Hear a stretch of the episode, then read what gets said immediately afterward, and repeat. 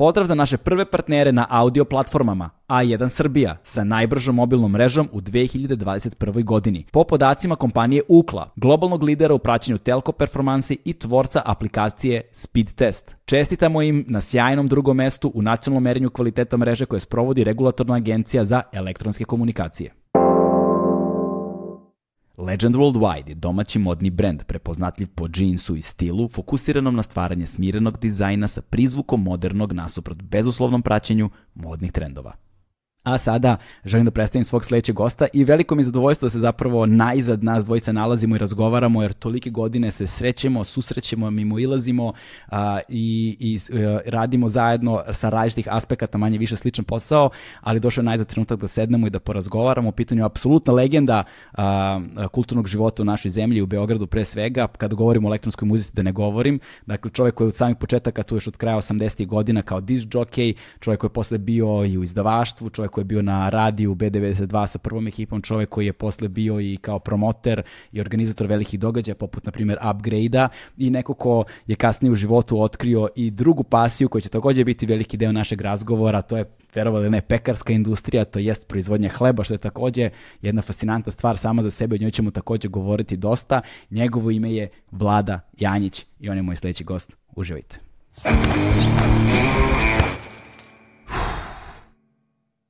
Hmm.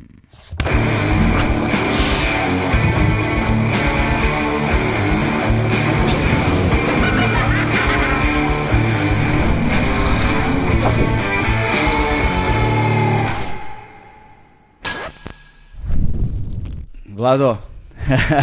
dobro jutro. Dobro jutro, dobro jutro. Šta si, šta si pričao malo pre, počni iz početka taj deo. Pa nameštali smo zvuk, pa da, da. Ovaj, kao ka, kako je ko oštetio sluh, pa sam ovaj, momcima ispričao ovaj, uh, rani dani ovog kluba Industrija, neka 94. peta, kad smo sišli iz DJ kabine koja je bila negde gore na plafonu, gde, gde se ne, ne osjeća ovaj, ni dance floor, ni ti imaš bilo kakav kontakt sa publikom, insistirali smo da se spusti dole na kao stage i sad kombinacija glasnog sound sistema i nekog ovaj, monitoringa koji je u stvari verovatno bio neki ono rashodovani razglas iz 80-ih je, je terala nas da glasno slušamo, jeli? I onda uh, slušalica koja ti služi kao, kao monitoring je morala bude glasnije od monitora i sve to u zbiru bila zastrašujuća buka. I ono, dok si mlad, ti imaš utisak kad kao prođe dan, dva, tri, vrati se sve u neku normalu. Međutim, kasnije se ovaj, ti defekti krenu da se ispoljavaju i onda strana je Ovaj... da, znači gluv si na levo pa uvo. Pa jesam, da, onako umereno na levo uvo, tako da nije loše malo i balans. da, imam, da, da, da, da, da, Šalim se, da, ali to je to, da. Ovaj, pazi, uh, kao sad ne znam, nisam stručnjak pa ne mogu da tvrdim, ali sad verovatno postoji nekakav elasticitet kao slušnog aparata, nazovimo Absolutno, to tako, da, da. pa kao oteraš ga u crveno, pa se on vrati, pa ga oteraš u crveno, pa se on vrati, ali kako godine odmiču, sve se manje vraća. tako je. sve više ostaje u crvenom. Da bi ostalo u crvenom, da, tako je. Ljudi da. ne vide ovo, ovaj, uh, ovo, ovo, ovaj za, za slušalice pojačalo, mislim pojačalo, kako se zove već, i ovaj, gde je meni opanjeno, ja sam gluv ko topr. Znači, Tek ja... je kasnije krenuo onaj trend tamo ranih 2000-ih da se koriste ulošci, ovi earplugs, mm -hmm. kako ih zovu, i gde kao možeš da čak i neke frekvencije podešavaš, nameštaš da budu ono custom made za tvoje uvo, za tvoju ušnu školjku i tako. I to kao da, da ovima koji se profesionalno bave muzikom čuva kroz, kroz vreme kao tu neku solidnost sluha. Inače velika buka, veliki problem. Pitaj muzičare u osnovom, pitaj bubnjare. Pa da, pa je, eto, ovaj, ako se ljudi pitaju zašto neke slušalice koštaju 200-300 eura, znaš, to je, to, je, to je između ostalog razlog. Između ostalog, znaš, da. Te, te frekven... Znam neke producente, uh, dosta ozbiljne, jel te, muzičke, koji se bukvalno nigde ne kreću bez čepića za uši, znaš. Apsolutno, da. Nigde, znači čoveče neverovatno, eventualno, znači, ako je glasniji kafić, buka neki veći prostor, stave čepiće i to je to. Posebno ukoliko su u nekoj gužvi, kad im često ljudi govore na uvo, uvek imaju. Znaš onaj moment, u klubu, pa ti neko nešto kaže, pa prvi puka... zaboli, da. Jo, Premodulisano, da, da, da, sve da. zvuči. pa se spržen, spržen snimak. da. Au, da. To, to je baš... Kako, ne znam, da. To je baš pakao čoveče, ovaj, ali pričat ćemo svemu tome, naravno. Uh, I to, to sam da kažem, uh, da mi je neko rekao pre 15 godina, znaš, da ću sesti sa Vladom Jajićem za sto da radimo intervju i da će nam o, pričati o hlebu. Nadam se pored ostalog. Da, između, znaš, kao da ćemo pričati o hlebu, bio bih u fazonu šta se ovde dešava, ali ne. Ovaj, život e, po ko zna koji put nam dokazuje ovaj, drugačije od onoga što smo mislili će da bude. Mada ti si već dugo u Meni je nekako bez veze da kažem pekarskoj industriji, ali to je znaš, nekako ne, ne, nesrećen je naziv zato što kolokvijalno kad kažeš pekara, ljudi pomisle sve i svašta, ali ne baš ono na način i na, na koji se ti baviš tim stvarima. Pa vidi, te prve godine tranzicije i u tu delatnost su onako bile dosta čudne, baš tako kao što opisuješ, znaš, kažeš nekom otprilike šta ti ideje, čime se baviš i kreću one čudni pogledi, kao e. krenuo je svojim putem, da ali ovaj, uh, razlikuje se utoliko što ne bih ja nikad ulazio u, u ovaj, taj posao da nisam video motivaciju u, u tome da radimo nešto što niko drugi neće, što generalno karakteriše i neke druge faze ono, mog života i bavljenja bilo čime, pa i muzikom pored ostalo. Da. E sad kao niko neće se dohvati nekog tog izvornog načina rada i ovaj i kao poštovanje tih nekih principa da bi to bio proizvod kakav treba da bude. Znači izvorni u nekom prirodnom ciklusu bez aditiva, bez nekih intervencija naročitih i me je to bio izazov, apsolutno. I s druge strane, okolnost je da su mi mnogi prijatelji, dobri prijatelji i, i dugogodišnji u, u gostiteljstvu i da je to bio onako više neki pull u smislu donošenja odluka i razmišljanja nego što je moja neka fiks ideja bila. Tako da je da, da. već unapred postojao i neki mali segment da, da. tržišta koji je vapio za, za nečim takvim. Znaš. A jeste, dosta uh, ljudi, ono, značajnih ljudi, u, na, u, barem u Beogradu, da kažemo, iz tvoje generacije je u, ili u gostiteljstvu ili su ozbiljni gurmani, znaš, koji se amaterski bave Ovaj... Da, što amaterski, što profesionalno. Pa dobro, u nekoj fazi života ti hrana svakako postane na, na neki poseban način interesantno. Onako, što si više u kući, što više tražiš te neke postice koji su da, da. onako finese, koji su Da, to se Neću mi... kažem high-end, to glupo zvuči, ali... to se mi zezamo kao kako znaš da si sazreo u životu, znaš, kad te pozove, ovaj, kad te pozove neka djevojka, dođeš kod nje, a u isto vreme dobiješ poziv za dobru večeru i budeš u zonu, brate, dobra večera, Sledeći znaš, put, da. čujemo se neki drugi put. Tad znaš da si ušao... Od prilike, da. Tako da je na taj način u stvari se to desilo, ne kao neka sumanuta ideja, nego kao neka progresija, ovaj, uh, znaš, da bi, da bi sebe motivisao da, da, da radiš preko vremena. Odnosno da se u nešto investiraš i uložiš mimo onako uobičajenih standarda, mora da postoji odgovarajuća motivacija, to naravno nije materijalna motivacija, da. nego nešto moraš da pomeriš u sebi, u tom, mm. u tome čime se baviš. I ovo je bio taj izazov, ta vrsta izazova da se napravi neki proizvod koji prosto na našem tržištu u tom momentu ne postoji. A da smo eto imali priliku ovde, onda sad govorimo o prijateljima i s kojima sam tu kao pokrenuo to i, i uopšte razmišljao na tu temu da u kontinuitetu imamo kontakt s tim jer se nam u Americi neki dosta dobri prijatelji time bave i s njima je to i i nastalo i razvijeno. U Bostonu? U, pa da. A Boston je inače poznat kao ono grad gde je ta pekarska industrija, nazovimo tako, pošto imam prijatelja neke koji žive tamo, pričali smo prošle kad smo se videli, da. ovaj, koji su u fazonu, brate, tamo naš kakvih ima, znači da ne veruješ, da se proštaš ono od lokala do lokala i sve je sad Pa uopšte kod njih ono gastronomija na, na dosta visokom nivou i naravno da i, i hleb to da. ovaj prati, mislim prosto takva je Ali to što kažeš, o, ali to što kažeš o motivaciji, ovaj, to sam nebrojeno puta, ja mislim, ponovio baš ovde u podcastu, pa ponovit ću i sada. Najčešći razgovor uh, prijatelja u kraju kad sede i kad, znaš, kao treba da, ovaj, kao kad razmišljaju čime će se bave, počinje tako što sednu, jel te, na kaficu, šta god i budu u fazonu. Brate, mora se prave neke pare. Znaš, i onda u odnosu na to smišljaju šta će da rade. Tako da, s suprotne strane kreće motivacija, znaš, a s druge strane, ljudi poput tebe prvo razmišljaju šta je to što žele. Šta im je ono šta, šta im je negde taj unutrašnji pokretač, šta je to prema čemu gaje nekakvu strast, a imaju eventualno nekakve iole privilegovane mogućnosti u životu da započnu bilo šta i onda razmišljaju kako će od toga sutra da nastane novac.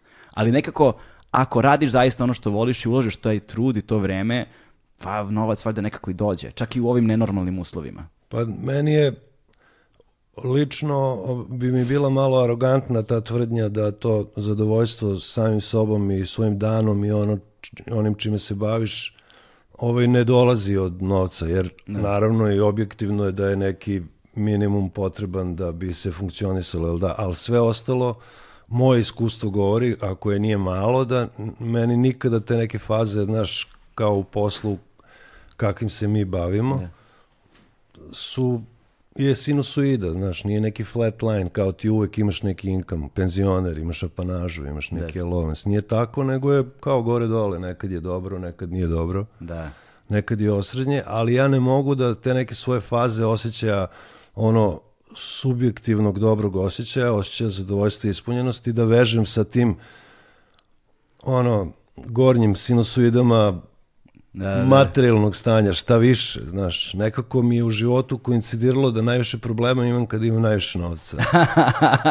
more money, Mislim, more najviše, problems. najviše da. novca u tom našem, jeli, ovom rasponu imanja, odnosno nema da, da, da. to sad. Onoga šta Naravno, se pod... nije, nije bog zna šta, ali samo kažem. Da, šta, šta se u tim uslovima podrazumeva pod pa, najviše da, novca? Da, da, ali kao, to, to je to, ne, ne podudara se baš sa tim nekim subjektivnim osjećajem zadovoljstva kao to koliko imaš ili nemaš, da li si letovao ono u Herceg Novom ili na Ibici. Znaš, nije, to nije krucijalno, definitivno. Da, ovaj, e sad, dakle, ti si počeo se baviš proizvodnjom hleba, ali na neki na, naš, ali to nije kao je, to je primarna stvar, s time da imaš još neke proizvode pored toga. Ovaj, imaš svoju, uh, da pomenemo samo čisto da damo kontekst odmah ljudima, dakle ti imaš uh, svoju proizvodnju i pekaru koja se zove Šarlo. Da ovaj, a, i proizvodite veoma, veoma mali broj artikala, ali su svi izuzetnog kvaliteta i o tome ćemo govorimo. Ovaj, I ti to radiš sad neki koliko, 11, 10, 11 godina? Pa ne? prošlo je 10 godina. Prošlo da. je 10 godina. Da. Znaš, je sad, baš me zanima kako, bazi, uvek, sam, uvek su me fascinirali ljudi koji se bave a, tim nekim bazičnim stvarima u životu, bez obzira šta god daje. Da li je, na primjer, ako je sport, na primjer, trčanje Znaš, ne, ne, ne dodaš nikakvu loptu, ne dodaš nikakva dodatna pravila, ne opterećuješ, znaš, samo ono bazično, trčim ili samo skačem. U tom kontekstu atletika. Ili, na primjer, ukoliko se bave, ne znam, pisanje, znaš, svako ume da čita i piše, ali ne može svako da bude pisac, znaš, kao svako ko ume da čita i piše misli da može da napiše nešto zapravo značajno, da, ali doći do nivoa da zaista budeš izuzetan u nečemu takvom je je posebna stvar. Tako isto u gastronomiji. Uvek su me fascinirali restorani koji imaju 3-4 jela u jelovniku i to je to. Nemoj ništa više. I pritom ako su neka jednostavna, ako 3-4 sastojka koje svako može da napravi, ali baš kod njih najbolje, šta je to što ga čini tako najboljim? I onda u vezi sa time, znaš, kao proizvodnja hleba. Od kako postoji čovek, brat, praktično postoji hleb. Znaš, od kako smo uspeli da ono pripitomimo žitarice i da steknemo to znanje koje mislim da još iz neolita postoji, znači 7000 godina pre nove ere, čovjek proizvodi hleb. Ovaj, I biti izuzetan u hlebu znači stvarno razumeti neke stvari dublje, na dubljem nivou od onoga što se podrazumeva kolokvijalno. I to je ono što mene zanima. Kako to počinje, ta ljubav? U kom trenutku? Pa nije, prvo da kažem da, imam pekaru, nije samo moja. Da. Uh, imamo ove partnere američke, odnosno naše, koji su pomogli da se čita stvar desi na, na svim mogućim nivoima, od kao tih nekih detalja ključnih za, za uopšte dobijanje i kontrolisanje proizvoda do ovog nekog investičnog dela koji nije mali. S druge strane, kolega Melentijević Zaplet, vlada takođe, kao i ja. Pozdrav ovaj, za vladu. Mi smo imali tu neku strast prema hrani i piću, pored ostalog i prema hlebu ovakvim kakav je i kontakt sa, sa, sa njim smo imali tamo u Americi, da odlazeći pojedinačno, a par puta i zajedno. Ja mislim da se u nekom momentu tog druženja e, desio komfor sa, sa ove strane američke, da, da su se ovi drugari Peđa, Nikola, e, prosto opredelili da se nešto pokuša ovde, do tada nisu bili sigurni koliko bi uopšte mogli nekom da, da, da s nekim krenu u neku avanturu gde ne mogu da budu sasvim sigurni da dele te neke vrednosti o kojima si upravo mm. malo prepričao, a to je da bi se kao zauvek insistiralo na tim ključnim principima i, i tim povodom se nikad ne bi pravio nikakav kompromis, a to je da se ne koriste smeše, da se ne koriste aditivi, da se e, poštuje taj neki prirodan ciklus i da se na tome prosto bazira čitava stvar, pa onda šta se desi. Ove, ovaj, tako da, prosto tako je došlo do, i to je ta motivacija, jer svakako gledano i gastronomski i, i nutritivno i na, na, na bilo koji način da, da posmatraš ovaj hleb u kontekstu industrije, on je drugačiji. Da. Ovaj, ukusniji, svarljiviji i sve druge neke njegove karakteristike su u korist i, i ta, prosto ta neka izvorna motivacija da se neki proizvod koji je na, najvišeg mogućeg standarda mm. ovde desi i neguje i opstane. I u tom smislu ovo i postoji 10 godina i razvija se nekim umerenim prirodnim tempom. Tu naravno povremeno postoje impulsi od nekih lanaca, od nekih ljudi koji su jeli talentovni za biznis, na, na, na ovom nivou kako se oni to jest, posmatra oni... i oni bi svi imali neke ideje kako to može više, bolje, unosnije i tako dalje, ali mi pak mislimo da taj neki tempo hmm. kontrolisanog, ono laganog razvoja i rasta nešto što je okej, okay, a da se ne, nikada ne kompromituje taj, taj izvorni izvorni kvalitet koji ovaj hleb je. Ali, eh, ali me zanima, ali kako baš hleb? Znaš, u kom trenutku ti sad sedi, znaš, jesi imao bukvalno trenutak kad ti sedeo kod kuće bio u fazonu, hm, hleb, kao time ću da se bavim. Znaš, sigurno nije izgledalo tako. Možda, pa znaš, što ti je kao, kao vino, ima tu sad raznih ljudi kao koji jesi, su u Srbiji. Jesi imao ono prvi trenutak kad si probao neki hleb i fuzonu, jebote. E, jesam, da. Ta, kad je... u, u Bostonu, kod ovih drugara, kad bih tamo otišao u posetu, obično ostanem 3-4 dana u Bostonu i posle odem malo u New York 3-4 dana i to bi bilo otprilike to, obzirom da, da kad sam ja krenuo tamo malo češće da idem, tad sam već imao i porodicu i mnogo obaveza ovde i nikad nisam imao priliku da ostanem nešto mnogo duže od 7, 8, 10 dana. Ovaj, uzmem jedan taj veliki, onaj, kako ga oni zovu round, to je onaj okrugli hleb mm -hmm. od dva i nešto kilograma i ovaj, jednu dasku ovako veću i nož držim u kuhinji tamo ujutru ovaj, u uz kafu da, i, i jedan taj isti hleb tih pet dana jedem. Znači, uopšte ne, ne obnavljam uh, u pekari kao e, danas ćemo ovaj sa kao oras, orasima i brusnicom ili evo krosani. Ne, ne, taj jedan ovaj, kako ga oni zovu sourdough, to je ovaj od, od prirodnog kiselog testa, znači beskasni hleb, belo brašno, veliki, onako jako ispečen tamna korica i taj jedan te isti jedan pet dana, fasciniran kako je moguće da i četvrtog i petog dana tu je i dalje ukus, tu je i dalje. Znaš, to ti je kao ono uh, dobro prirodno vino u čaši koje ili kao što vole ovi ljubitelji vina, a i poželjno je za ova veća vina, je li da se dekantira, da se malo mm. prespe u u ovu posudu Dekanter, da. jeste u dekanteri da tu ono malo prodiše i otvori se i posle isto tako u čaši, isto ti tako i sa, sa ovim hlebom. Znaš, on prvog dana kad je vruć ujutru i u toku dana ima tu normalnu svežinu kao, mm. kao neki ukusan dnevni hleb, međutim on ima neki svoj razvoj i sutra i preko sutra i, i menja se onako, postane blago kiseli, ako si uspo sačuvaš koricu, ona i dalje čuva tu sredinu, ima neki, neki svoj karakter ukusa, ono ako je dobro ispečeno, ako je jako ispečeno i razvija se kroz vreme. Meni je to bilo fascinantno. Znaš, ta neka kompleksnost i slojevitost jedne tako bazične stvari na koju smo mi navikli da kupujemo onaj naš tip 500 Sava ili onaj polubeli, ti si mlad, ne sećaš da, da, se. sećam se kako ne. Bio je onaj u, u centropromu sve vremena, da, da. ono BO, znaš, onako polubeli, u stvari imao je nekih 5-10% nekog, nekog ovaj, tamnijeg brašna ili kasnije ovaj 2000 da kupujemo hleb u kesi u, mm. u ovim lancima. Ovo je bila revolucija u tom smislu, znaš. E, tako da to je taj izazov da se desi nešto što nemamo i čime niko nema strpljenja da se bavi. I tako su me i posmatrali prve dve, tri godine, zaista. A1 je prvi prijatelj audio izdanja Agelast podcasta. Da. Znači, ali ne čekaj, samo, ali, da, se, da se hvališ onim.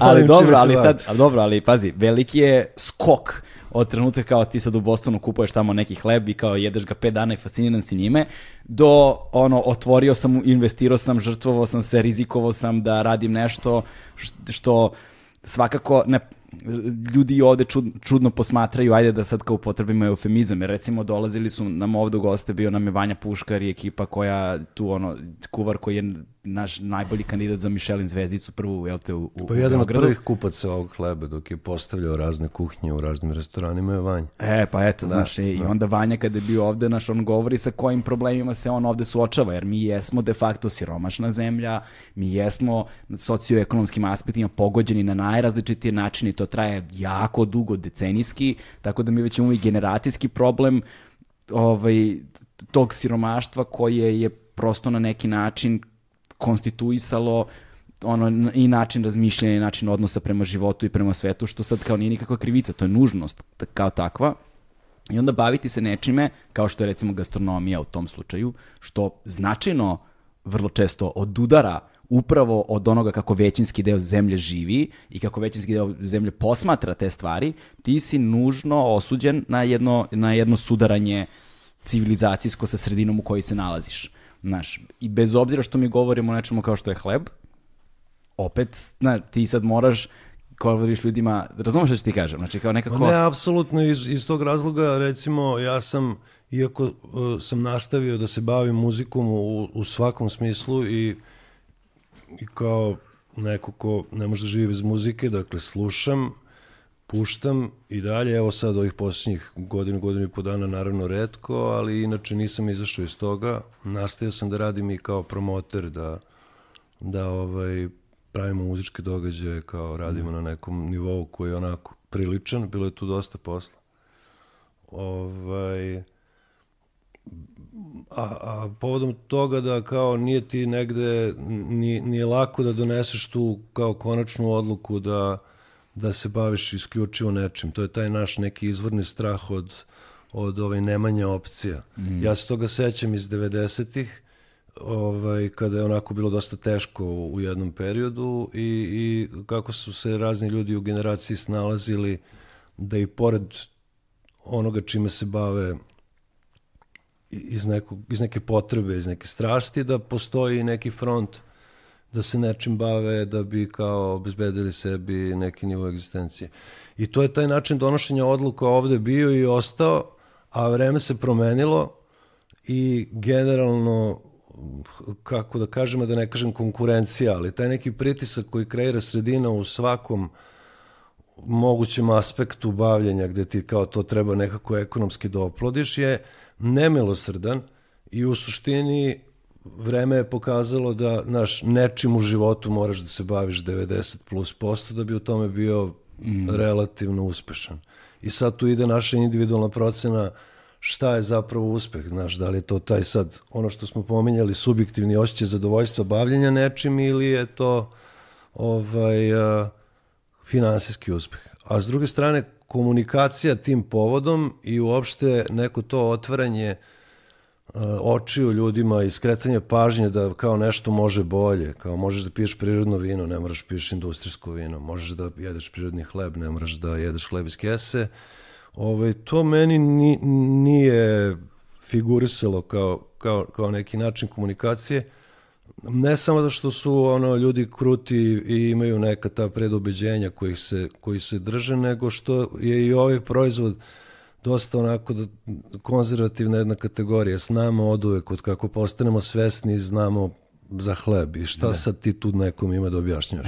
Znači jedini način je taj neki lagani ulaz u, znaš, Nećeš ti meni sad hleb da prodaješ za... ne, može ništa se objašnjava. Ne daj Bože da objašnjavaš. A dolaze tebi objašnjavaju. Ja se sećam tih prvih dana, prve 3-4 godine. Često sam bivao u prodaji ili na Kaleniću ili dole na Dorčulu da pokrijem neko ko ne može. Ili to onda imaš stalni kontakt ne samo sa svim ugostiteljima s kojima inače imaš stalni kontakt, nego sa mušterijama koji svakog dana dolaze. I ti sad tu imaš jedan ogroman broj ljudi koji bi ti objasnili sve kako to treba da radiš koji imaju neku svoju viziju, koji nemaju nikakav problem da ti je predoče, koji apsolutno nemaju nikakvu ideju da iza toga postoji nekakav koncept, da ti ne možeš napraviš tri hleba da to ima smisla, znaš, da moraš da napraviš 150 ili 300 ili 500, ne samo zato što je to tako ekonomski isplativije, nego zato što to tako funkcioniše, znaš. Da. Zames neki od, od 150 kila nekog tog testa sa prirodnim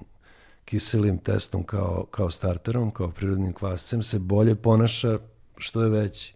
Mm. Znaš, ako ga pravimo tako da proizvedemo tri hleba, onda je to neka kućna varijanta.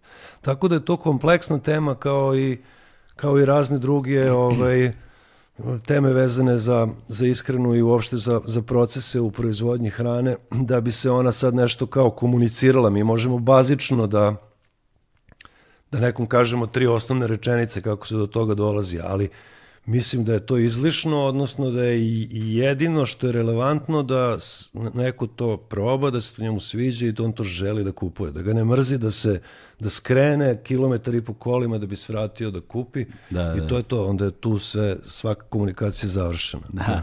Reči, reči su suvišne. e sad, ali baš to, ba, baš taj proces me sad zanima, jer kao uh, ogroman je put, kao što kažem, od ono, sedim u Bostonu i kao jedem neki hleb 5 dana i oduševljen sam kao njegovom slojevitošću jednoj tako bazičnoj stvari, do toga da mi sad pričaš kako, naš, uh, kvasac u 150 kilo, ne, kako se Čekaj, rekao? idemo pitanje po pitanje. Da ja sam, ja sam ovaj, prvo osetio da je to neki trenutak mog života kada mogu da još nešto naučim. Aha. Mislim, možemo da učimo do god Kada je to? Pričamo? Pa Kada? ja tad imam ne, nepunih 40 ili 40 plus recimo. Ne. Kao to je taj moment. Kao otprilike ja sad to negde. Pa da, da, ja sam tad već 20 godina u, ili blizu 20 godina u, u muzici, u medijima, u izdavaštvu, ne. Da. u, u, u promociji događaja i kao nije sad da je to jedno zasićenje, nego je to jedan već ogrom period, pola mog života I sad ti gledaš šta te sve drugo zanima i gde uopšte još možeš na bilo koji način da nađeš uzbuđenje i da se ispoljiš na nek, neki opet način koji ima mm. smisla ne samo za tebe i desi se ta mogućnost i sad ona podrazumeva naravno da ti se resetuješ u meri da sada iz ove, ovih raznih sitnih uh, informacije i znanja koje svi imamo ovaj, u, u, u detaljima vezanim za muziku, od znaš, snimanja bubnja ili produciranja bas linije, promocije za, za neko novo izdanje ili, znaš, da ti sad pređeš u jednu potpuno drugu sferu da ovladaš tim tehničkim, tehničkom pozadinom jedne proizvodnje o, o, ovakve, ovakvog proizvoda koja je u suštini takođe jako kompleksna i sofisticirana mislim na, na taj tehnički i tehnološki aspekt isto. I znači sad se tu ponovo baviš strujom i, i kao hemijom i ovim i onim. I to je izazov isto. Zato što opet mozak radi na jednom tom nivou kao kad si ono mladi, kad učiš, kad upiješ, kad se ložiš, kad te, kad te stvari pale. Ovde imaš dva fronta. Jedan je imperativ, znači da moraš da postigneš neke stvari, da tu utegneš sve da funkcioniše dobro, tehnički, a drugi je da je li želiš da se to desi što pre. Da. Mislim, nadam se da me razumeš. Razumem, razu, onda, to, onda je to godinu, dve praktično ono nespavanja. Kao da, da, evo, a mene baš to zanima. Kako, loženja, da. ono, na, a mene na baš to zanima maksimum. kako izgleda iz dana u dan, ne iz dana u dan, ali razumeš me kao, sad kao ja, ti sediš u Bostonu i, i posle toga ne znam koliko, kad, kasnije, kao si u fazonu, hajde da probam da pročitam nešto i da saznam, znaš, kao gde si saznao prve informacije, Pa si... vidi, prve informacije su neka adaptacija koncepta koji postoji tamo u smislu te, tehničkog mm. procesa, mm. kako i na kojim mašinama i u kom tajmingu i u kakvom setupu takve stvari radiš. Znaš. Znači, industrija kao industrija, ona ima svoje neke tu zakonitosti, moraš u nečemu da mešaš, moraš u nečemu da hladiš, moraš u nečemu da prufaš, moraš Da radiš šta, da? Pa to je ono, fermentacija, ono finalna, to se ovde zove garbanje, jeli, Aha. ili prufanje u, u I mislim, mi koristimo malo tu kombinaciju Garbanje. Terminološku, tako se zove u našoj... Šta znači, izvini, šta znači garbanje? Od čega je reč pa garbanje? To, to, to je to glagol? Ja ne znam, ima neki, da, verovatno, ono, germanski koren. Da, garbanje. Ne znam. Znači u komentarima 100%. Naći Neko će nam već objasniti. Uglavnom to je ona finalna fermentacija gde se malo podigne temperatura prostorije u kojoj je hleb. Objasnit ćeš nam te... fermentacijna komora i tu se malo doda vlage i temperature da bi se ono testo pred samo pečenje dovoljno i lepo razvilo mm. i bilo vlažno da kad uđe u peć da se ne suši, da šta ti ja znam. Koja je bila prva osoba s kojom si iskreno podelio svoju želju i bio u fazonu, e, znaš šta, ja mislim da bih ja želeo ovo da radim u životu. ne, spontani, ovaj, uh, u, e, sećam se, mogu i da ti prepričam, na povratku jednom ovaj, iz, iz Amerike kolega Melentijević i ja sedimo i čekamo u Minhinu, recimo, šest sati naš let i kao sa notesom i naočimo za sunce, ovaj, pokušamo da utrošimo vreme onako umorni, jet legovani i tu se taj neki prethodni moment gde su se takve opcije pominjale, ali da nismo da smo bili jako daleko od bilo kakve rešenosti da se time bavimo, kreće razmišljenje kako bismo mi to mogli da izvedemo. I tu je naravno on ključan bio zato što je on tada imao u svojoj uh, ove, infrastrukturi koja je podržavala jedan, dva restorana, ne znam koliko je tada imao, i onu radionicu, uslove da to u nekom tamo mm. backstage-u krenemo da radimo, odnosno da nađemo tipa koji će s nama to da radi pekar i da kao prosto krenemo u tu neku, da tako kažemo, obuku. Da. Onda smo slali ovaj, slali momke tamo, jednog pa drugog, u nekom vremenskom rasponu malo da osete Koje momke, gde Pa pekare. Aha. U, u Boston na nek, neki vid obuke, ne Aha. sad, to je više na, na upoznavanje sa, sa procesom u nekom real time-u, da ne gledaš neki YouTube tutorial, nego da, da prosto osetiš ovaj, malo to testu i prstima i tako smo prosto krenuli, znači od, od tog nekog bukvalnog najdirektnijeg uvida na mestu gde se to radi, mm. da bismo kao onda ovde krenuli da da razvijamo s jedne strane taj tehnički deo, da uopšte postavimo jednu takvu proizvodnju mi koji s time nikad nismo bavili na, na tom nivou, a s druge strane da uspostaviš ove recepture koje opet zavisi od lokalnih sirovina i od mnogih drugih faktora ovaj, i da jeli, to polako postane proizvod kroz, kroz neko vreme. Trebalo nam je, šta znam, od te inicijalne ideje sigurno jednu godinu i po dana, gde je najviše vremena ovaj, a, najviše vremena na taj neki izbor prostora i ovaj, adaptaciju prostora u stvari potrošeno. Ovo ostalo što se tiče same pripreme, da mi smo da kao postano sposobni da to radimo, to je bilo, ajde recimo, dva, tri meseca, četiri.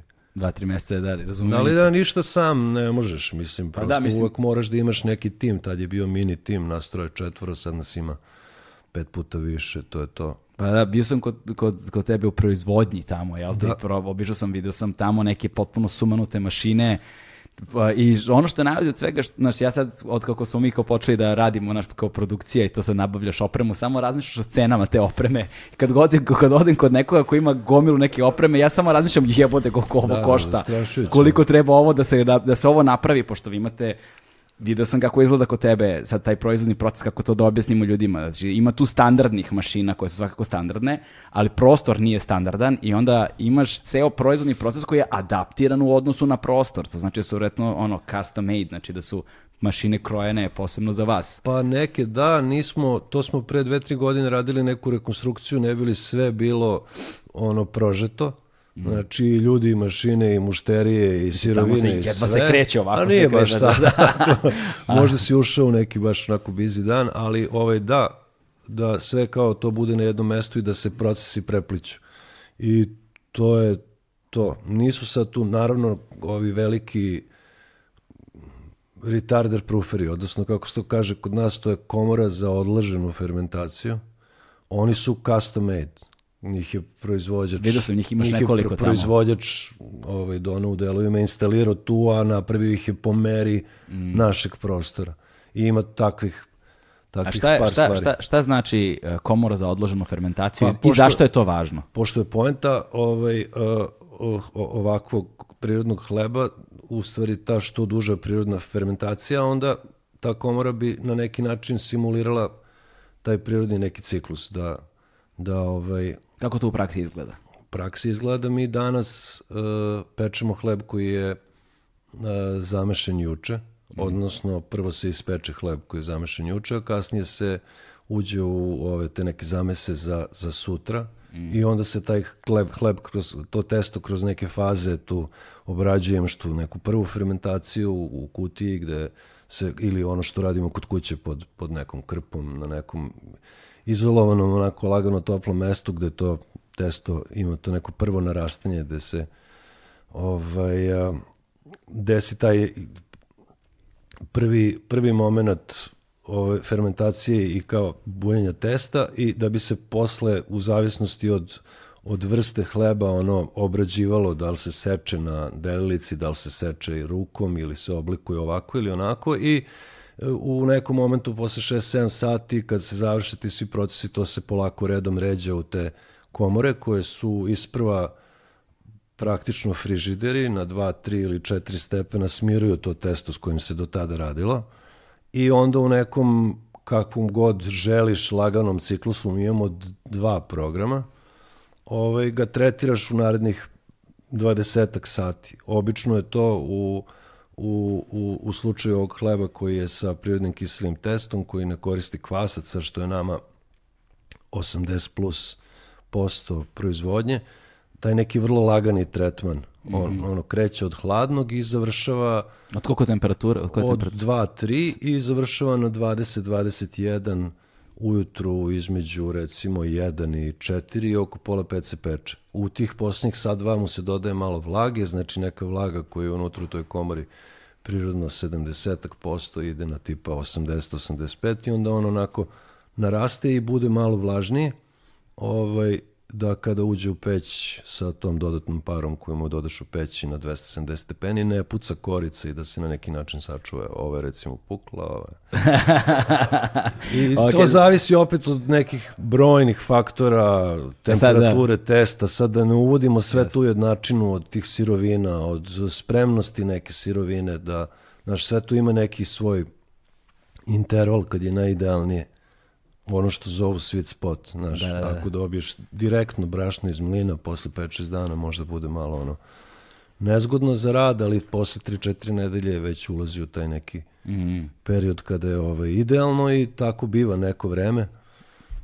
I to je to, znači taj neki ciklus ne, neforsirane prirodne fermentacije je tako 20 sati i u tom nekom prirodnom razvoju sutra imaš sutra imaš taj, tu, tu neku mogućnost da i, i taj hleb sav koji je došao ujutru, koga nije malo, u nekom periodu od 3 sata, 4 sata da se ispeče i kao idemo dalje. Sledeći ja, e, dan. Sad, 362 da, sad, dana sad, sad, me, sad me zanima ono... Naš, i Poređenja radi, izvini, prekidam te sada, a, industrijski hleb je recimo ciklus proizvodnje tog nekog običnog hleba sava je ne znam, sati 45, 2.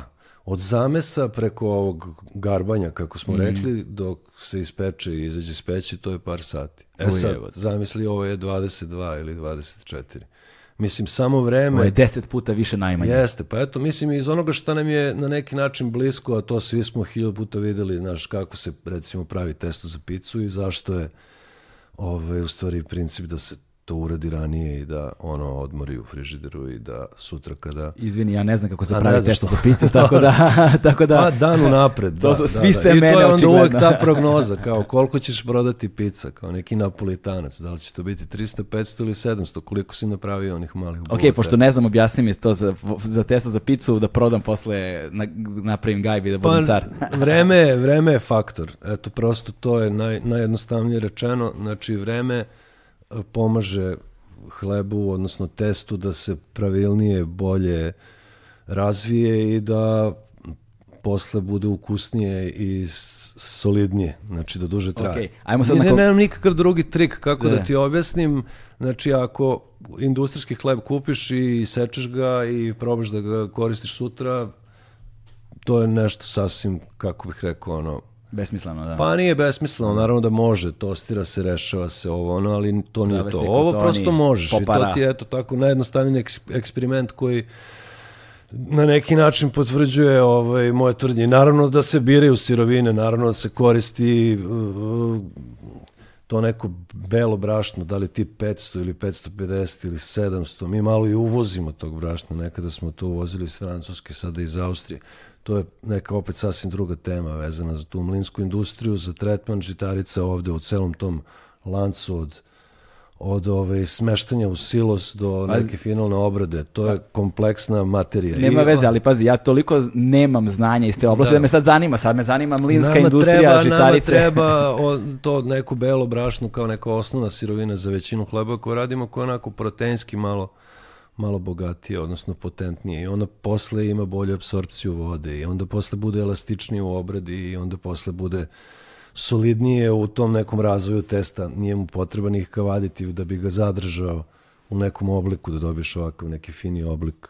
Mm -hmm. ovaj, a, i, i da, da, da, da se razvije i unutrašnja tekstura kako treba i tako dalje. Tako da ima tu mnogo, mnogo, mnogo elemenata, složen sistem ovaj, jednačina, ali kao i sve druge stvari, možemo mi sa to ovako pričom da mistifikujemo, ali je ovaj, uh, radiš, vežbaš, učiš i kao u nekom momentu dođeš do nekog nivoa I vidiš, po, po ko zna koji put se pokazuje da se najjednostavnije stvari najteže postižu. Znaš? pa ako odustaneš od ovih štaka, jeli, kao od kese saditi, on koji će to da reši. Mislim, prosto da. to je to, da. Ajde sad ovako konkretno, na, malo pre, kakve ste probali krosane? Kakve su krosani, a? Do ja, ovaj, kaže, krosan, da praviš ga tri dana. E, mi smo to skoro krenuli da pravimo, inače smo kako si napravio uvod ovaj na početku, ovaj, fokusirani uglavnom na hleb. Sve ovo ostalo je samo onako nužnost nekada, eto, kao obradujemo ljude koji tu dolaze da mogu da kupe i nešto što će tu pojesti na licu mesta, da li neki brioš, fokaća, kifla, kuki i tako dalje. I onda u jednom momentu došli krosani na red, koji su opet neka sasvim druga disciplina od hleba ovaj, i nisu baš na ovaj način na, na, na koji se rade, nije baš ovaj, zgodan tamo za onu našu proizvodnju hleba da bi se radilo paralelno, ali uspeli smo nekako da, mm -hmm. da se ovaj, da, da navežbamo i da to izgleda pristojno. Da, radi se tri dana, danas se zamesi testo i onda ono u ciklusima ovaj, odmara u frižideru i u onom laminatoru, to je ona traka koja, koja razluči testo, se integriše sa, sa sa puterom da bi se napravilo mm -hmm. dovoljno tih lera, jeli, testa, putera, testa, putera. Preslaže se, razlači se, preslaže se. Tako uradiš dva, tri, četiri puta i ovaj, ponovo ga vratiš u frižider da wow. ovaj, odmara i da čeka neki sledeći, kao kad praviš neki fini kolač. I konačno se ovog drugog dana u tom finalnom prolazu kroz, kroz mašinu ovaj, testo iseče, smotaju se krosani i opet idu u frižider i tamo čekaju sledeće jutro da se peku. Wow. Tri dana. Mislim, može znači, i brže. danas je sreda, ovaj kroasan je počeo svoje putovanje u ponedeljak. Ponedeljak, tako, oko 8 ujutru, tako. okay, u stvari šta... dva, ako gledamo 48 sati, ali e, u tri radna dana se dešava. E sad, da. s obzirom na, tvoj, e, na, na tvoju e, muzičku istoriju, ogromnu, opsežnu, i o njoj ćemo da govorimo, naravno ne možemo da imamo Vladu Janića ovde da ne pričamo o muzici, ovaj, um, Uh, znaš, iskustva svih nas, ono, u 3-4 ujutru, 5 ujutru, vraćaš se sa žurke ili, ne, ili kog, kog, kog, kog god razloga prolaziš pored, ono, svako u svom kraju ima neku kultnu pekaru, znaš. Prolaziš pored svoje pekare i, ovaj, uh, i čuješ, brate, majstore kako rade, ali to obično knock, bude... Knock. Da, to, da, no, da, kucaš ono, jako može vruće leba, naš, ali, ovaj, ali to obično bude onako a, a, baš specifična muzika. ne znam šta slušaju tvoji u pekari. E pa ove, imam muzičkog urednika. E, imaš muzičkog urednika u pekari? to nisam ja, da. Dešavalo se svašta tu dok smo radili noću, sad ne radimo noću, sad radimo dan, samo jutro i dan. Ove, svašta bi tu zasviralo, ali sad, ne znam, vrte ovi momci neke ove internet radio stanice sa ovom ok muzikom. Ja, ja dignem glas ako me nešto baš puno iritira i Da, da, naš. Znaš, teško je u to sad negde ulaziti, ovaj, ali do, do, došli smo do nekih oro kompromisa bez, bez silovanja. I ja sam na sreću malo ono, ogluveo. Naglo, tako da ono, stavio ne zameram. Ali stavio si kancelariju tako da ti je desno uvo ka šta, vidi, pekarima ujutru recimo verovatno treba neka vrsta tog stimulansa sem kafe, to bi trebalo bude neka uplifting muzika. Znači ne možemo ujutru da im, da im vrtimo neki jazz FM i to nije realno. Da. Ovo, ovaj, znači treba im nešto verovatno malo Mada mi se dešavalo dođem tamo da bude i neka tišina, ako je dobro raspoloženje, pa je onako priča sve vreme, pa neko, ovaj, mm. neko vodi reč, neko drugi reaguje ili se smeje, tako da kombinacija muzike i ove reči. Ali znaš, kao što si vidio i sam, tamo smo svi na manje više na, na, na istom mestu i u istom prostoru i onda je tu živo s muzikom i bez muzike. Da, da, da, dosta ljudi na malom kompaktnom mestu, onako, baš ste iskoristili svaki kvadratni centimetar prostora. Teško je tu sad nešto, neka, ne, neki svoj muzički ukus. Ja sam to apsolutno odustao od početka. Ja sam i recimo tu neke 2011. doneo tadašnji neki USB sa nekom, nekom selekcijom koja je opet pravljena za nekog prijatelja koji ima restoran i tu kao ajde ovo ćemo vrtimo, sve to sumanuto. Mislim, da. pustiš ljudima da to rade sami, ali ako se desi da, da su to ono ljudi koji su negde tu na toj frekvenciji sve to teče. Ok, ajde sada na konkretnim primjerima. O, ti si da nam done ovde gomilo nekih hlebova, pola nismo još ni stavili na sto, kao prosto nismo očekivali ovoliko, ali neće da se baci, veruj mi. Dakle, šta imamo ovde, ok, osim ovog očiglednog krasana? Pa imamo ovaj naš I u čemu se oni razlikuju standardni, to što se kaže ovaj trademark hleb, čekaj malo da... A, može. To je frančeze. Ovo je frančeze. To, to je, beli, to... beli ovaj, beskvasni hleb, evo da ga isečemo. Ajde, evo ti. Doneo si i nož za hleb. Znaš, kad, su, kad ušao s ovim hlebovima, bio sam u fazonu, jao, brate, da a mi nemamo ovde nikakve noževe, ono koji smo... Da se izmasakriramo, da. I doneo je čovjek i dasku za sečenje, i nož za hleb, i salete, sve si doneo. Evo viš kako to izgleda. Da, to rade, rade kolege razni i kod kuće. Mi, ovaj... Da ga probam, mogu da otkrijemo da, probam, apsolutno, da. Eto. Mm. Znači, kombinacija nekog malo jačeg proteinski austrijskog brašna koje je tip 500, što, se, što znači da se onako melje malo u pravcu u pravcu integralnog, ali, ali bez mekinja, bez tih finih otpadaka Baš je dobar domaćeg ovog standardnog tip 500 i u njega ide malo integralnog. Da. Onako čisto malo, što se kaže splash, 5%, da bi dobilo malo tu neku šaru. I ovaj, e, njegov prirodni starter od, od istog tog brašna i onda on ima ovakvu teksturu. Mm. Mogao bi da bude malo i rupičastiji, ali to je kao od dana do dana, od raznih faktora zavisi. I on je sa nekih 20 sati fermentacije. Znači, ako se zameš, zamesi i obradi negde do 9, peče se sutra ujutru oko, oko između 5 i 6. E, ali na što je fora što se osjeća miris, ovaj, taj kao neki kiseli miris, nazovimo A blago kiseli, da. Blago kiseli miris. Puno kiselo ili blago kiselo? Blago kiselo. A blago kiselo, blago da, kiselo. E pa i to dobro kontrolišemo, zato što taj neki prirodni kvasac mi u stvari hranimo svaki dan. Znaš, to je ogromna količina testa koja se obnavlja, kao što su jeli, naši stari, što se kaže, radili, kao sačuvaš malo današnjeg testa, pa kao... Da, da. E, tako i Šta ovo. Šta je ovo? Ovo je... Da je to da probam. kao nisam doručkao, spremio sam se da jedem leba. Slatki hleb, ovaj... Zato i hoću da probam. Sa orahom i brusnicom, pazi. Pa... Hoćete vi je probati, a? Evo, Ajde, uzmi, daj seci njima isto po... Sečemo. Mm. Ovo im je baš dobar. Evo, izvoli.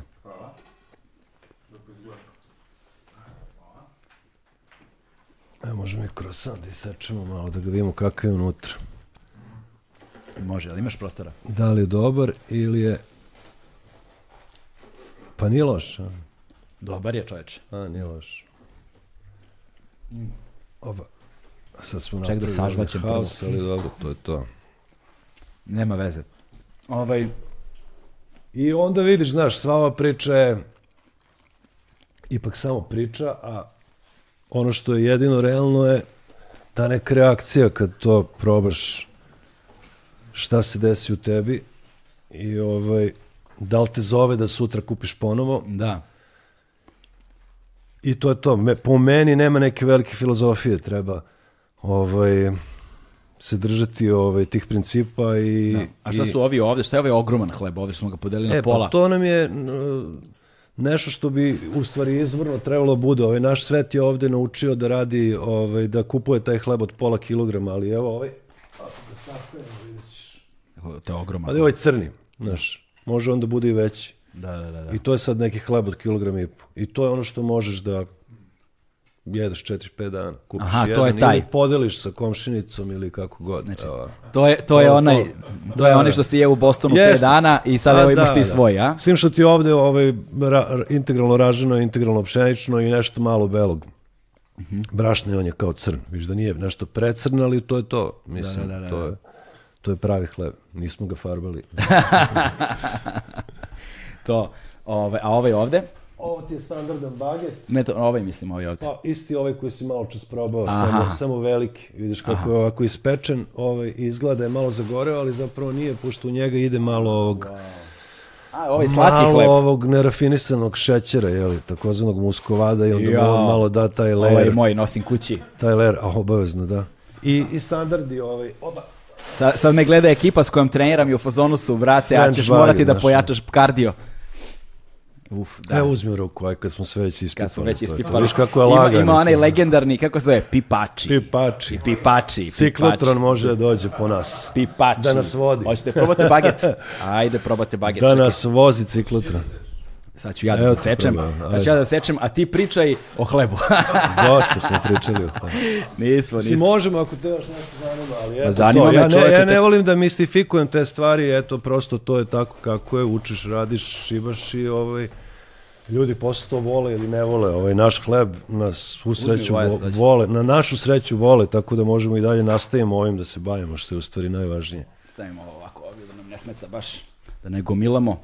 Samo neka ga bude. Druga dobra stvar je što mi umeđu vremenu apsolutno nismo sami na tržištu sa ovakvim proizvodom i U što je dobar baget. I ja. sad neko bi rekao da je tu neki, neki kao problem, šta kao radite kao u vezi konkurencije, to apsolutno ništa ne radimo, sarađujemo, ono šaljemo jedni drugima mušterije kad neko ima pauzu ili neki neki razlog tog tipa i ovaj, e, prosto ovde imam mesta, sad ne bih da, da drugima dajem ideje previše, odnosno da ih guram u U konkurenciju. ne, nego u, ono, u probleme i, i ovaj, pošto ovo stvarno je jedan ono posao koji dosta vremena oduzima, evo, sama činjenica da mi u stvari imamo tri neradna dana godišnje ti dovoljno govori na šta to u suštini liči. Znači, to jeste i dalje posle 10 godina jedan nivo žrtve koji, na koji verovatno ne bi bio svako spreman, ali prostora na tržištu ima još. Ljudi žele ovakav hleb. Da, ok, pored očiglednih stvari sa kojima ste se, ste se najviše suočavali i verovatno se negde i danas moguće suočavate, sigurno u manjoj meri značajno nego 2011. godine. Šta su najveće, dalje, da- dalje najveće, druge najveće prepreke ove sa kojima ste se suočavali, koji su neki ono najteži da kažemo krizni trenuci ili možda trenuci najvećeg uspeha ono kao da evo recimo sad meni ne znam pada na pamet možda nije kao napravio si ovaj hleb koji je sad isti kao onaj u Bostonu što si ga jeo 5 dana On nikad nije isti, ali je Nije neka, isti, ali da- neka varijacija svega lokalnog ono, po tim principima. znaš, za, za mene da. bi to bio trenutak tipa uh, stanem, ja bih stao i bio u fazonu, jebote, pre pet godina, ne znam, pre deset godina, nije važno, kao sam jeo taj ovakav hleb i bio sam oduševljen i evo sad imam svoj, znaš, ono, kao nekakav, ne znam, kao nekakav osvrt na dosadašnji rad. Da li, da li si imao neki tako trenutak u, u proizvodnji ono, hleba da si bio u fazonu, ne znam, ponosan na sebe, na svoje ljude, na svoju proizvodnju, na nek, nešto drugo?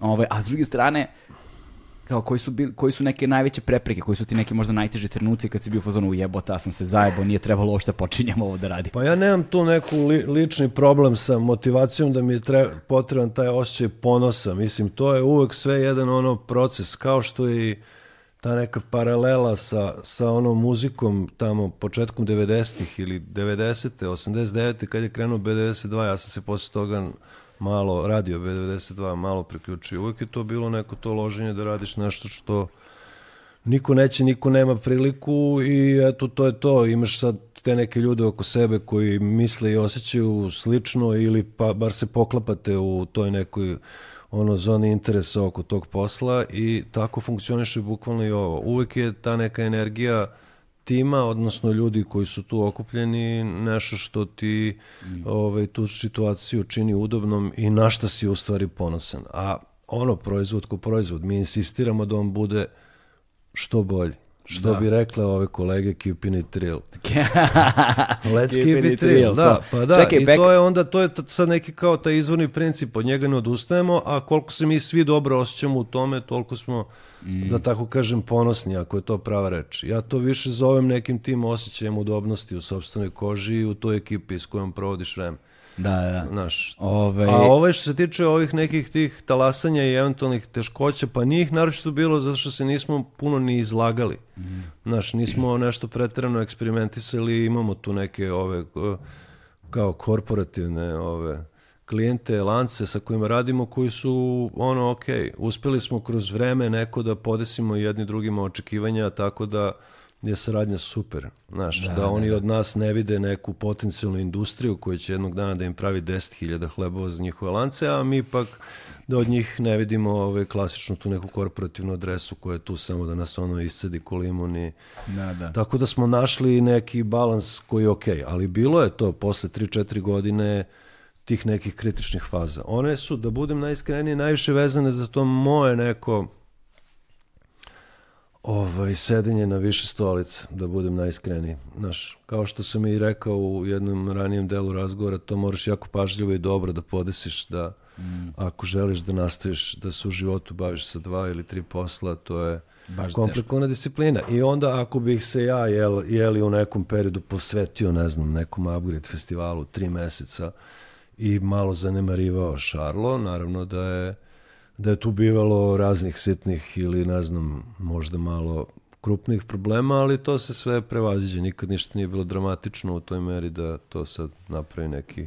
A, Šarlo se Šarlo, zove. Zašto? Da. Mislim, meni prvo palo na pamet Šarlo Akrobata, znaš, vero, verujem i mnogima. Pa, i meni kad je... Kad je ali ne, mislim da je copywriter je Vlada Zaplet Melantijević, on je smislio u nekom momentu, inače je jako talentovan za smišljenje imena radnih, od Zapleta, više da. sile ovog ono. Cveće zla. Ovo je, da, da, dobro, to je Baudelaire, ali svejedno ovo je, o, mislim da je izvorno ovo je bila ta neka asocijacija na Charles, na taj neki French kao fazon u ovom pekarstvu da njemu nije prvo na pamet pao Šarlo, a i nije akrobat, a i jedno neobično, mm. neobično ime. I onda izađemo tamo na APR da vidimo da li kao je slobodan Šarlo, ma ne, nije Da. Neki džins iz Novog pazara je već bio Šarlo. Šarlo, imate, stvari, imate boli Šarlo. da, da, da. Šarlo, tako da Šarlo, da, eto ima, mislim, bez neke naročite ideje da nego je bilo šta. Mislim, jer sad Šarlo Krobata, koliko god je meni Šarlo Krobata, ono, možda u par najfenomenalnijih muzičkih stvari koje su se ovde kod nas desile ikada, apsolutno nije nikakva direktna asocijacija. I malo je onako bi bilo bizarno, jeli? Mm. Kao hleb i ja, ali da opet... mislim da je šal. Ja sam čak sam se šalio, znaš, to sam ja u domu omladine radio jako dugo, dugo, dugo. I kao što znaš, tamo ima jedna pekara sa ovim sa ovim uh, pogačicama u kraju, pored nekadašnjeg bioskopa Balkan, zove se Charlie. Tako da, da, da, da. to je jedan taj omaž kao da, da, da. Charles, Charlie... Charlijeve kifle, brate, a? Charlijeve kifle su legendarne. A, a pojao sam ih ono, oko hiljadu, hiljadu. znači, kod Charlija... U tim jutarnjim odeš... smenama, jedna, dve jutarnje smene, znaš, ovo muzičkog Ej bre, ja sam čoveče, ja sam, ja sam imao situacije, ja sam, dok sam radio Domu omladine, da. ovaj, imali, imao sam faze da sam Charlijeve kifle jeo i za doručak i za ručak. I dan danas neki od ovih drugara prođe motorom, pošto tamo ne može se stane, pa kupi malo ovih pogačica sa čvarcima, pa se malo da. počestimo. ja uzmem slane kifle i uzme se naravno jogurt i onda se umače u jogurt i tako se jede Charlijeva kifla, čoveče. Eto ti.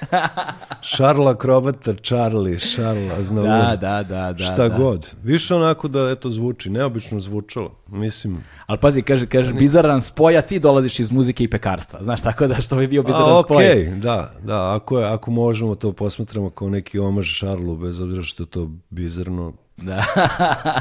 Let it be. E sada, da ovaj, kad već govorimo o, o, o, toj muzici, moramo sad da se malo osvrnemo na tu muziku i da napravimo tu suptilnu tranziciju u razgovoru. Ovaj, uh, uh, iz kog kraja si ti?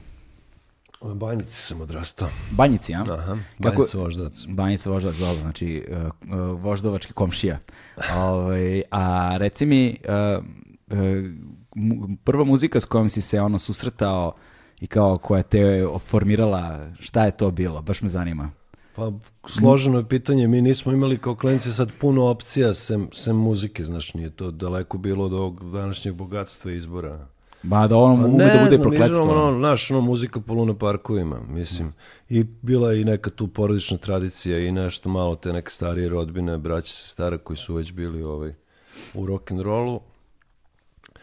A znaš, ono, neselektivno kupovanje ploča u detinstvu od neke 9. 10. godine, tamo od kraja 70-ih pa kroz 80. Ovaj, a, a od tih nekih značajnih stvari ja sam odrastao u ovom jednom od ovih pet solitera na, na banjici. Mm. Ovaj, I tamo je onako bilo to jedno bogata sredina u smislu mnoštva različitih, neobičnih ljudi, znaš, puno druženja, puno interakcije, puno, puno mladih, puno klinaca. I, ovaj, I onako generacijski smo bili tu.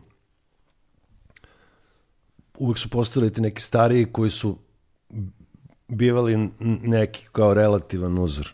I u tom mom kraju ranih 80-ih nije bio ono jak kao ovaj novi talas, nego ova disko kultura. Mm naš s kraja 70-ih, početak 80-ih. Taj alternativni neki Beograd, to je ovde onako bilo dosta dosta veliko, ali da nikada nije imalo ni, ni blizu tu pažnju javnosti i, i te neke posle osvrte kao na neku istoriju ovaj, kao pop kulture u Beogradu kao, kao ove druge jeli, stvari koje muzički malo više vrednujemo. Tako da je kod mene u Soliteru bukvalno bilo nekoliko teških frikova sa ono pitchable gramofonima, sa onim afro frizurama, sa velikim kolekcijama ploča, znaš, recimo da su dominirali likovi koji su bili u tom disco i kao dance Čekaj, fazonu, a da smo imali i ove koji su kao šivali pop mašinu,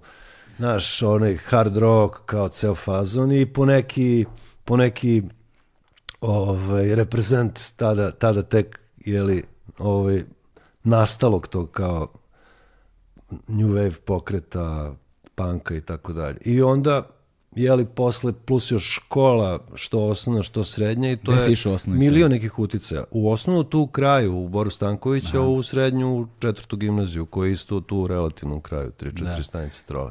Ne, ali zanimljivo je što, pošto sam ja vrlo blizu, znaš, ovaj, uh, iz Vojvode stepe, e, tu, znaš, da. baš blizu, ovaj, vožda, oko Voždovačke crkve, pa Jasno, malo, pa malo tu gore. mi je og, ogroman broj prijatelja, zato pa, da. kažem taj neki potez. I onda je... nije da nismo bleli u pet solitera i to, mm -hmm. znaš, mislim, išlo se tamo x, y puta, ali, da. je, ali je fascinantno kako, se, kako isti kraj Uh, kroz dve različite generacije, tvoju i moju, izgleda sa, sasvim drugačije. A, potpuno drugačije. Znaš, I sad je već treća, četvrta generacija, sad opet izgleda Da, potpuno drugačije. Jer, jer ja sam generacija koja je tamo išla 90-ih. Naši da. soliteri su izgledali i kultura u soliterima izgledala sasvim drugačije jeste, u tom periodu. Ovo je romantično bilo ranih da. 80-ih, nema šta, to je. I ovaj, s, time da, s time da ja nisam baš uh, često kasnije ni zalazio više tamo uopšte, jer je postala ta navijačka kultura dominantna strašno posle i posebno sa tim specifičnim navijačkim grupama tamo koje mene specifično nisu gotivile,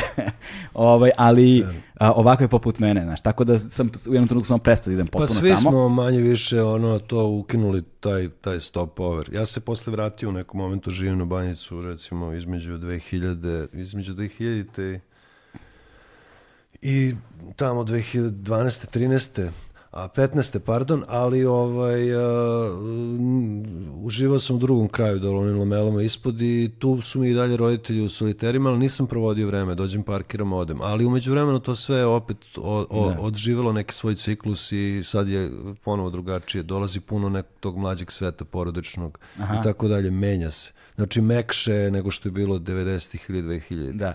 Ali 80 su apsolutno bile romantične, znaš. Pa to zato mi je zato da, mi je da. fascinantno kad kažeš kao frikovi sa afro frizurom i kolekcijama da, ploča show. u pet solitera, to mi to mi deluje bizarno. Da, pa totalno, ali realno, znaš. Ali evo da. samo ću ti reći da je bar trojica iz muzičke redakcije B92 su iz pet solitera. Wow. Koja trojica? Odande ti je, odande ti je Gordon, odande i, i Čalija.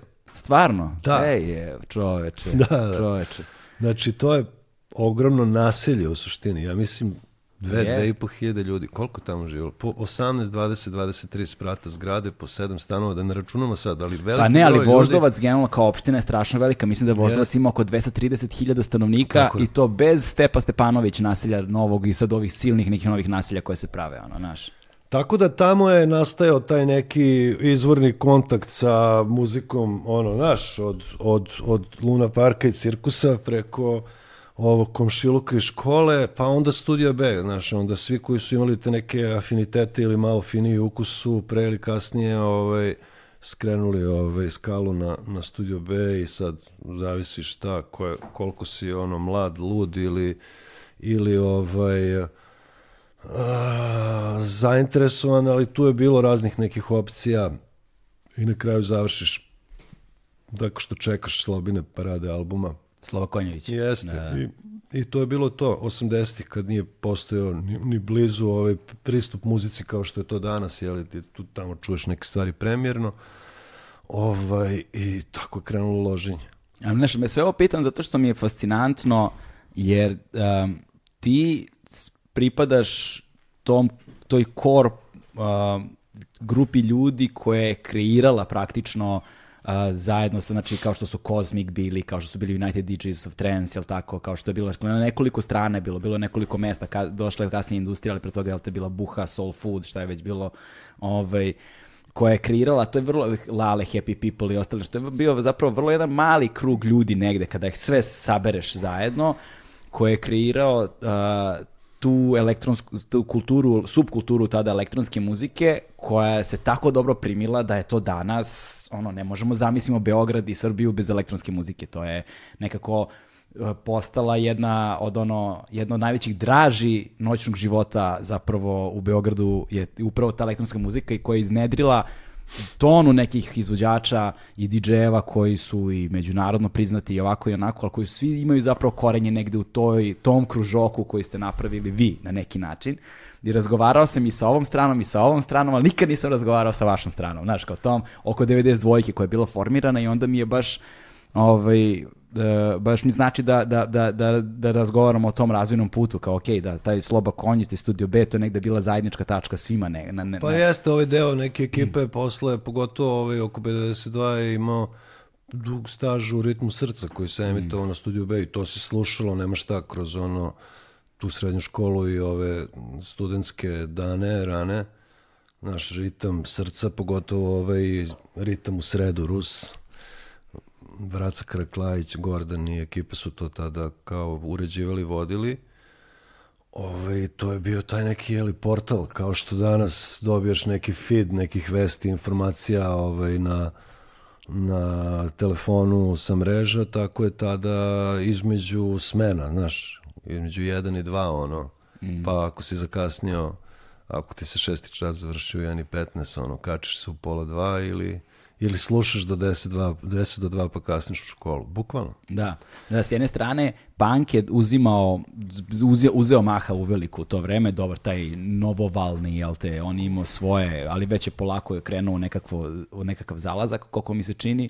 Ovaj, hip hop je tada bio ono... Pa na nekom u, rudimentalnom, rudimentalnom nivou, da, nivou, ovde da. lokalno Da, taj prelaz iz 80-ih u 90 Ali tek je 90-ih on počeo da. da dobija maha i onda ja pripadam negde toj generaciji. To je već sad generacijski Jasno, moja da. stvar.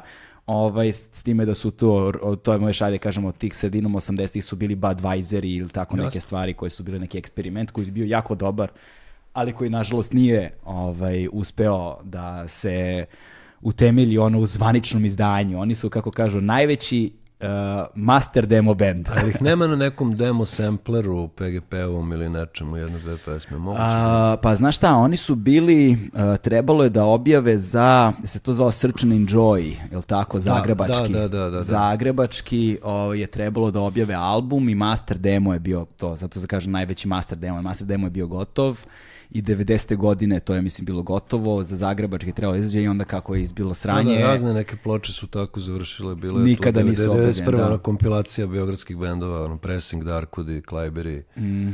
Euforija, želim jahati do ekstaze.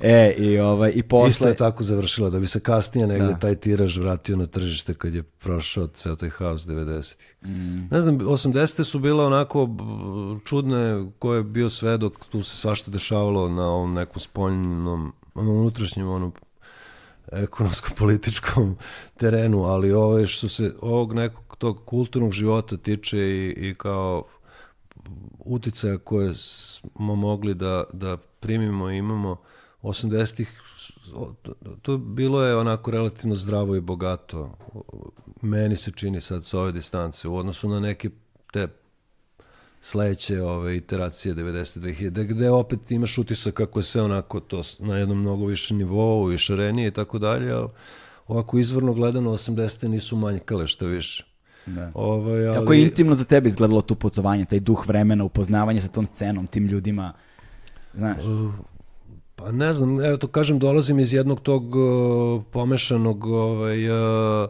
iz pomešanih uticaja, znaš, i uh, ja ni, ne arhiviram stvari sem što slažem ploče i knjige, ali pro, pro, ovaj, pronašao sam neku svesku koju sam trpao ulaznice sa sa koncerata, znaš, i sad imaš ono 40 istih ulaznica, onih generičkih da, SKC, da, da, da. ulaznica iz ovih ranih 80-ih. Ima samo pečat pozadi ja sa samo, datumom. Ja sad samo gledam i onda bih ja zapisao šta je i koji je datum.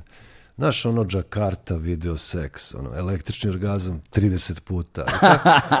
Evo, to, je, to je taj kao. I sad s jedne strane imaš ove komšije koje šibaju u Italo disco, znaš, ovaj, na nekom sound sistemu, s druge strane kao ideš na na neki punk koncert u pivaru i slušaš ovaj, ove lokalne oj pankire ili šta znam, to je to je bila, to je u suštini bogatstvo, gde nisi ni na koji način limitiran da ideš i, i levo i desno i da kao njuškaš i slušaš sve što te zanima, da, mm. znaš, da ne kao, ja sam sad neki proklamovani reper, kao ili slušam samo indie rock ili amerikanu i kao ovo drugo me ne zanima. Eto, to je to bogatstvo 80-ih gde nismo imali tu neku vrstu barijere da... Tu I onda se to nastavilo posle na, na B92 gde je bila neka što spontana, što prirodna gravitacija ljudi koji su tu završili, koji su kreirali taj muzički deo, mimo ovog generalnog, uh, generalnog značaja tog medija 90-ih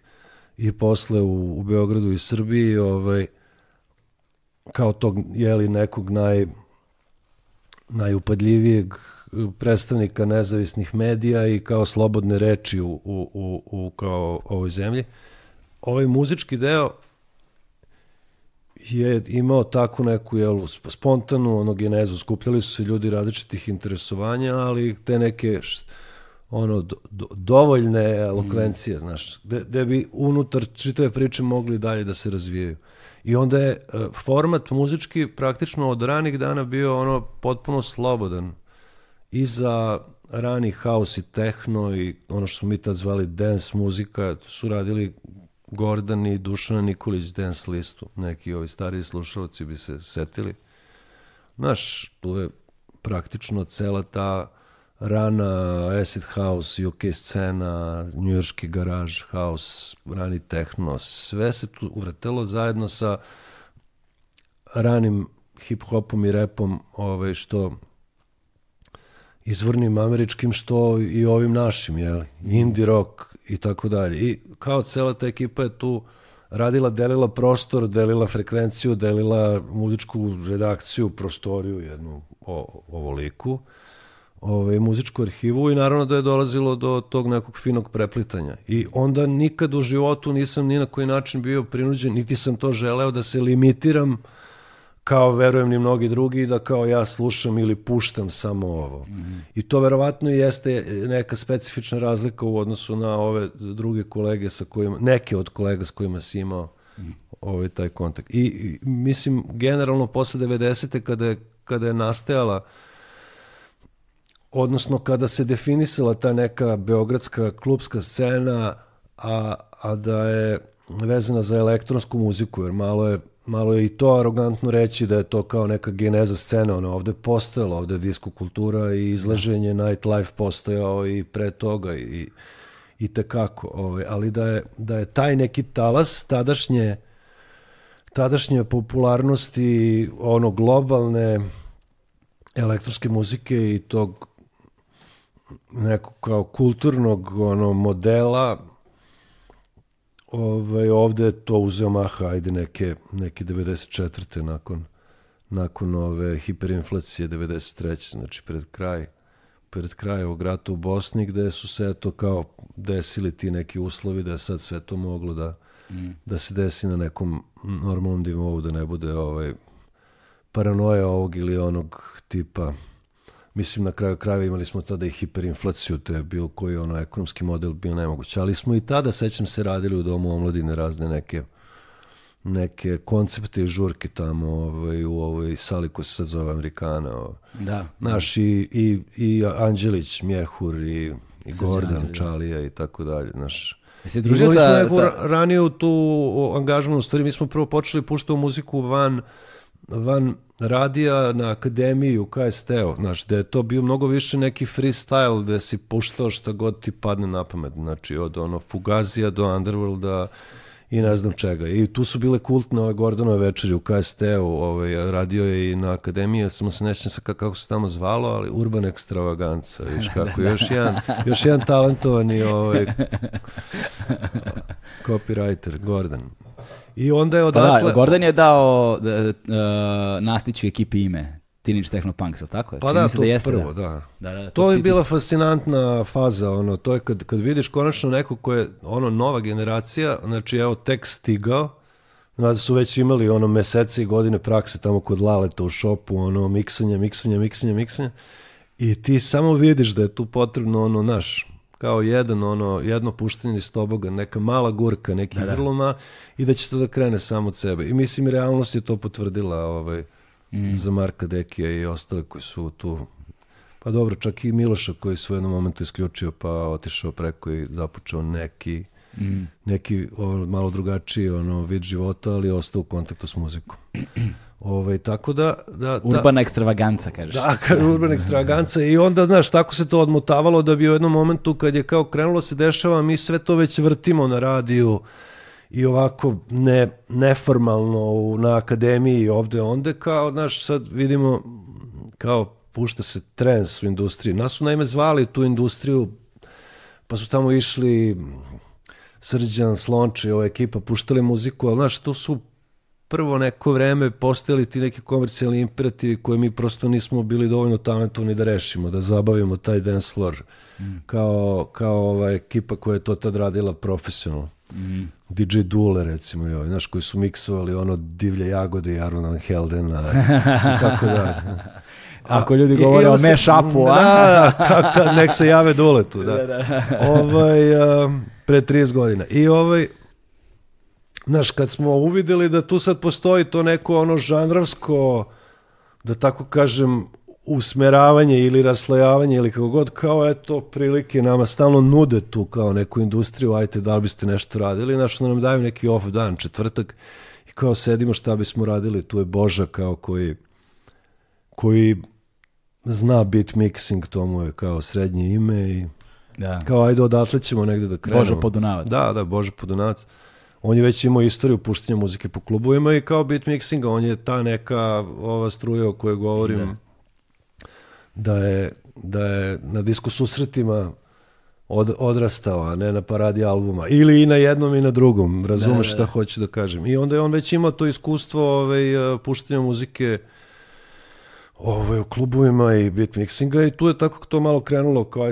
ploče je bilo, svega je bilo, znanje je bilo, ali dok smo mi to kao skapirali kako šta gde, ovaj, onda smo pokrenuli kozmiku industrije koji je tamo išao sad već neko, neki period, da li svaki četvrtak, da li svaki drugi četvrtak, koliko je to trajalo, ja više ne mogu se setim, ali sigurno su sezone i po dve, možda i duže, ali vreme je bilo jako dinamično, onda četvrtak i nedelja su bili neki relativni hendikepi, onda su četvrtak i nedelje iskočili gore, a petak i subota se su navratili, pošto ne možeš u jednom klubu da imaš i... Četvrtak i petak je subotu i nedelju. ne, nego prosto ne možeš da šimaš kao nešto što vuče, pogotovo ovaj United DJs of Trance, odnosno posle Integra. Da, da, da. Naš Deki Strob, pokojni Marko, Velja, DJI oni su imali neku priličnu gravitaciju, znaš, mislim da su čak bili popularniji od nas. Dok smo mi vukli neki malo drugi deo te gradske ekipe i bili malo više u tom nekom, uh, uh, da tako kažem, tehnu i haosu, onako izvornijem, znaš, mm. ne mnogo melodičnom, ali sve, mislim, u suštini mi smo tada gledajući ovu situaciju sada, pošto sam ja i dalje tu negde prisutan, evo, kao viđam se sa svim tim ljudima, povremeno izlazim i znam ih. Mislim da smo mi nekad bili mnogo bliži, iako to sa, sa distance izgleda da smo kao bili na nekim različitim polovima i to mislim, bili smo ovaj, mnogo više vremena provodili zajedno i družili se i to je bila jedna mnogo skladnija situacija s manje sujete nego danas, jer su i očekivanja bila manja, ne. Da. Publika bio je bila manja Bio generalno. je taj izvorni neki motiv kao da ti uopšte imaš priliku da puštaš muziku u javnosti pred nekim ljudima koji su na to stvarno pale i da je njih tu stotinama i to je bila privilegija, kao niko nije razmišljao ni o kakvom novcu. Znaš, samo o to kako da dođeš do muzike. Da, da. To je kasnije došlo. A i to dolaženje do muzike je to, to vreme bilo vrlo pa, specifično. Pa bio je stvar. pa kao, ali znaš, ono, za neku ko se ko se jako loži, ovaj, sad, ne znam, teško je reći. Naš, pogotovo, eto, ja mislim da postoji taj neki mali zazor prema, prema ovom delu ekipi koji dolazi iz BDS2, da oni misle da smo, eto, mi imali tu neku komparativnu prednost, da imamo muziku koju smo ranih godina ili sami kupovali tu, generisali i sakupljali, pa kao u tom smislu imaš neki širi izvor. Ali sad da ne idemo u detalje i to se delilo. Daš. Domaći brend garderobe Legend Worldwide je prijatelj Agelast podcasta na audio platformama. A, naći ćemo mi način da se podelimo, nema greške. Se, ne, ne, i to se delilo, hoću reći, nismo a, mi jedini bili da, koji, a, koji su imali... Koji su imali, sve sam pogrešno razumeo. koji, su, koji su imali pristup tim, ti, toj kao fonoteci, tom, tom izvu. Znaš, komplikovano je bilo ono za vreme sankcija ukinutih ovaj, avionskih linija i tako dalje. Znaš, nisi mogao ni, ni ono mail order da radiš. Ja sam kao klinac naručivao ploče iz, iz engleske, staviš lovu, koverati kao oni mm. ti vrate dve ploče.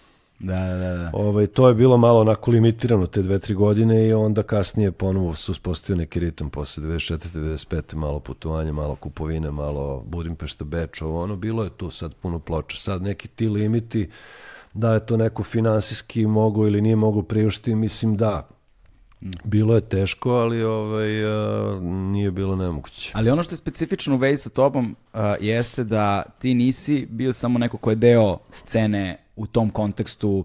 Na radiju si, na, u klubu si kao DJ, ovaj, ti si istovremeno, ti si vremenom ušao i u izdavaštvo, Pa na B92, pošto smo mi tamo onako kolektivno rešavali te stvari, ono formalno je neko muzički urednik ili pravi ono rasporede i košuljice, ali znaš, tu je onako bio taj timski, timski duh dosta prisutan između ono od, od tih ranih dana, ono gde je bio Miško Bil bio urednik, pa kasnije Saša Mirković, pa onda Gordan, Toma Grujić. Znaš, mi smo uvek te stvari radili na neki način ono zajedno. Mm. Dok bi ove neke žanrovske ili autorske emisije onako kao imali svako svoje, svoju ili svoje po, po afinitetima i po žanrovima, te neke glavne stvari su se uvek radile zajedno. Tako i ovo muzičko izdavaštvo, ja sam postao tu negde krajem 90-ih urednik formalno, ali znaš, tu već postojala neka neki kontinuitet bavljenja time. Mislim, na kraju krajeva ja sam tamo počeo da radim tako što sam pisao recenzije za ritam srca od 90. godine. Mm. Napisao sam ih otkud znam, 100, 150, 300, ne znam ni sam, ali svi ti bendovi tadašnji su prošli kroz neku moju percepciju i neki kao prikaz, kratak, ovako, onako.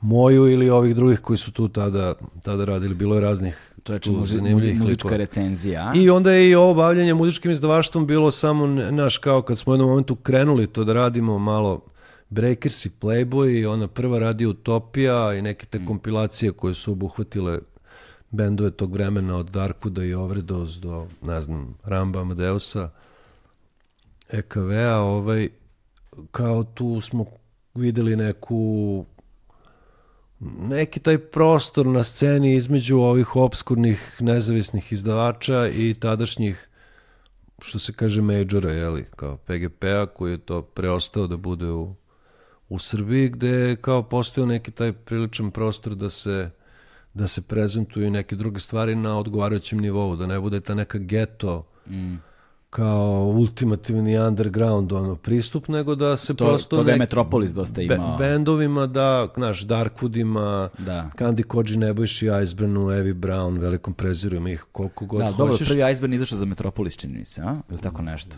Onaj Dog, dog Life ili tako nešto. Moguće, ne znam. Ne mogu još se setiti. Mi smo da, dva ili bilo. tri albuma uradili, da. Mislim, njima Ali te... da, oni su tako malo išli sa adrese na adresu, gde bi, šta bi. Mm mi smo bili tu ne, ne, ne, ne, izdavaštvo kome to nije bio primarni biznis, niti Stvari, su naši izvini, kapaciteti. sa Munjama bio na 92, ili tako? Kad ne, sa ovim Solid i, Solid full, control. i full Control. Da, da, da. da.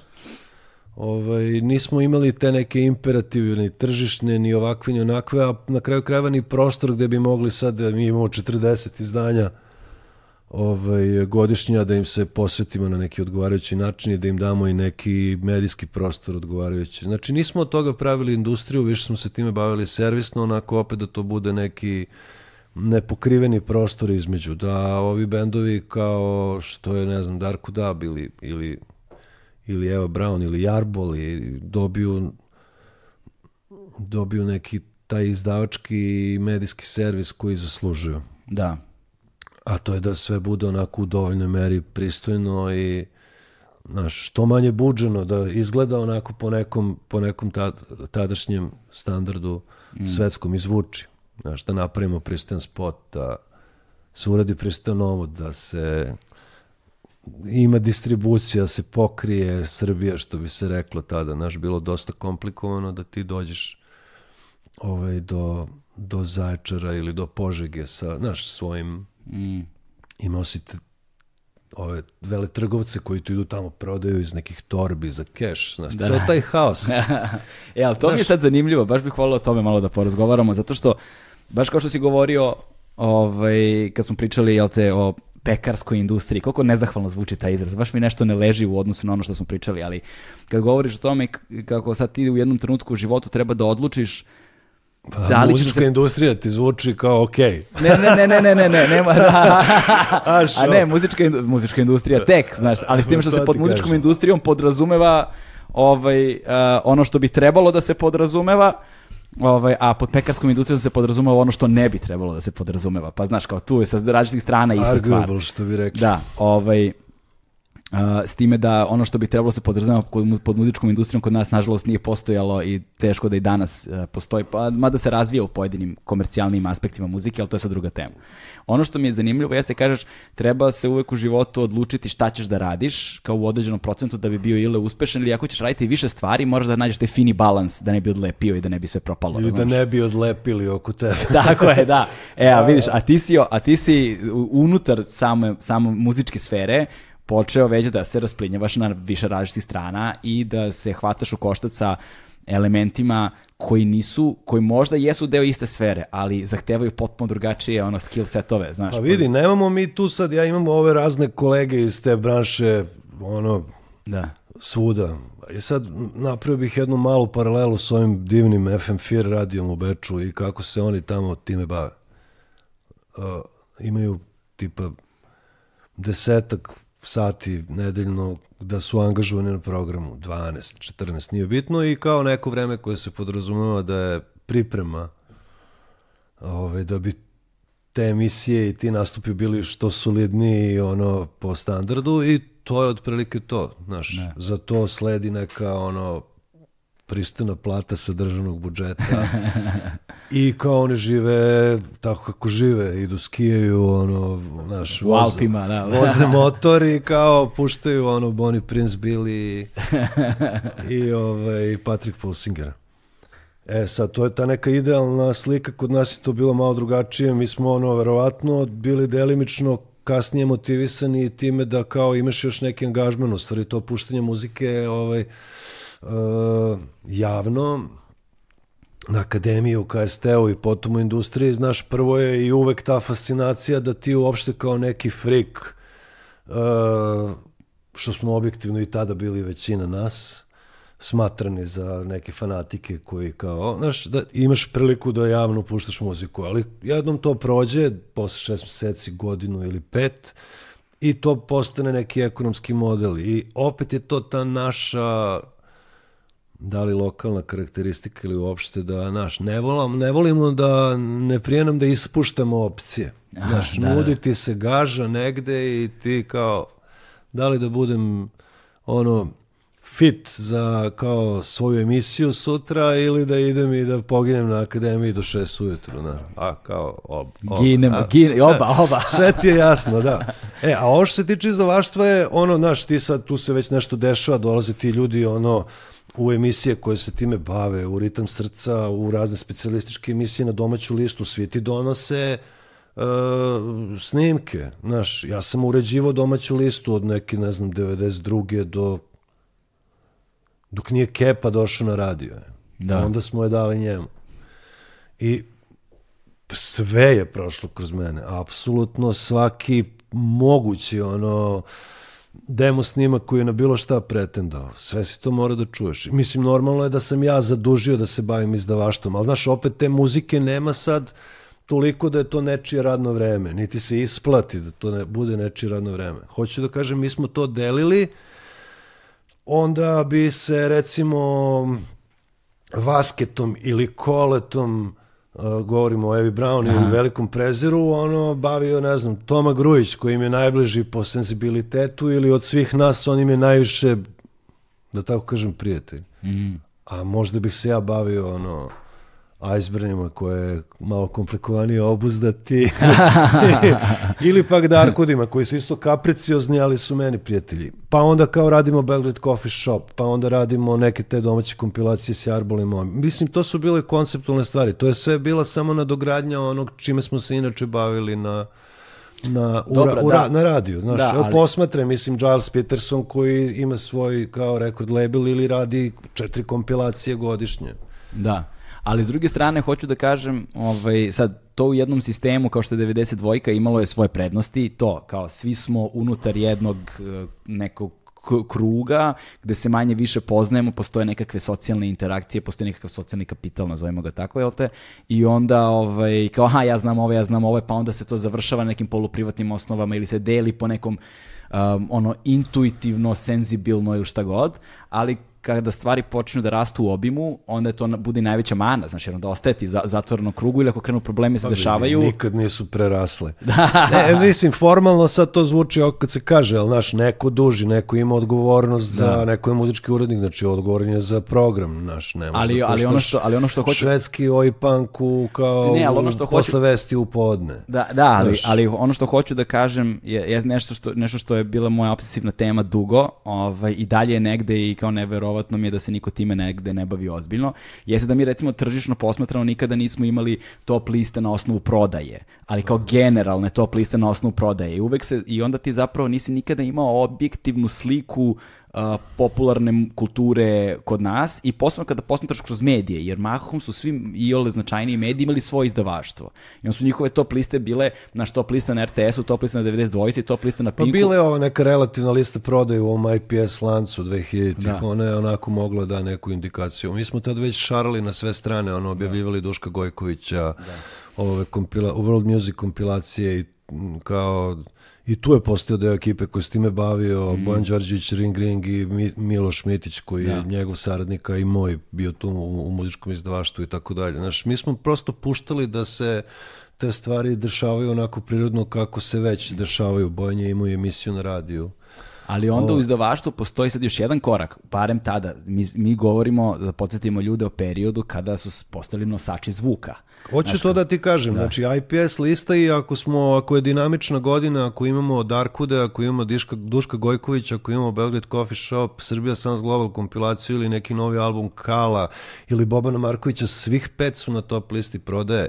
Da. Zapravo, oni su koliko toliko imali neki, neku sumu njihove, njihove realne prodaje i ja se sećam tih vremena dok ukupna prodaja na tržištu nije bila neka senzacionalna jer tržištu je bilo opterećeno piraterijom i tom vrstom problema i velikim delom mreže koji uopšte nije išao kroz nikakve prebrojive kanale, jeli, to smo pomenuli, ali s druge strane si mogu negde da uhvatiš te, da. te neke... E sad, kako ti kao neko ko se nalazi na čelu izdavaštva, u tom trenutku kao, kao štampamo ne znam koliko nosača zvuka no, za određeni okay, za, od, za određenu za određenu grupu ili kao kako Nikad radimo nismo pravili nikakve loše procene. Niste, a? Možda jednom dva put za neke ove bendove, za neke varijacije, da sad ne idemo imena, ali to kao iz jednog benda nastane drugi, pa ti imaš neke očekivanja, pa se to ne desi baš na tom nekom nivou, ali to sad govorimo da li je 1200 ili 3000, znači nisu to neki promašaj veliki, ali ovo ostalo uvek postoji ta neka mogućnost do štampavanja. To je uvek bilo, bilo vrlo tight kod, kod nas. Da. Vrlo pristojno procenjeno. Još i iz onog vremena dok su bile kasete, na kraju je preostao samo CD format.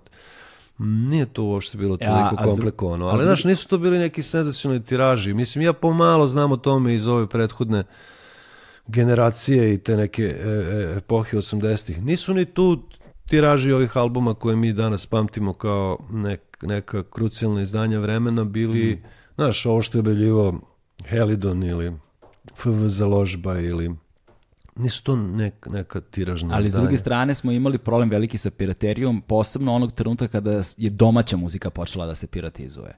A kako ne? Znaš, to, znači kada su počeli da se pojavljaju domaći diskovi, ovaj, kao piratska izdanja, ovaj, to i znaš kao i sada... Ja ne mogu da kažem da to bio neki senzacionalan biznis, daleko od toga da, da, se tu dešavao neki novac, ali ono šta je tu bila ideja i šta je u stvari bila neka prednost je da i većina ljudi koja je radila sa nama mogla sebi da obezbedi neke pristojne uslove da se album korektno snimi, da se isprate neke ideje ili neki procesi za koje možda ne bi baš svako imao sluha, a mi koji smo onako malo manje biznisa, malo više kao ljubitelji i ljudi iz profesije bili u tome, smo imali više razumevanja za te kaprice, neke studijske mm. vreme, mm. uslove, producente, šta ti ja znam, ovaj, ne, ne sjećam se ni da je, mislim, čak i u nekoj fazi kad sad da ne ulazimo u detalje, kad je krenula i ta neka naplata, ovaj, uh, kroz ove organizacije koje... koje Kolektivno ostvarivanje prava, da, tako, Soko to, to, mislim, držali smo mi to iznad površine i tog nekog malo mog iskustva u Aha. drugoj sferi sa, sa, sa promocijom događaja i sponsorima.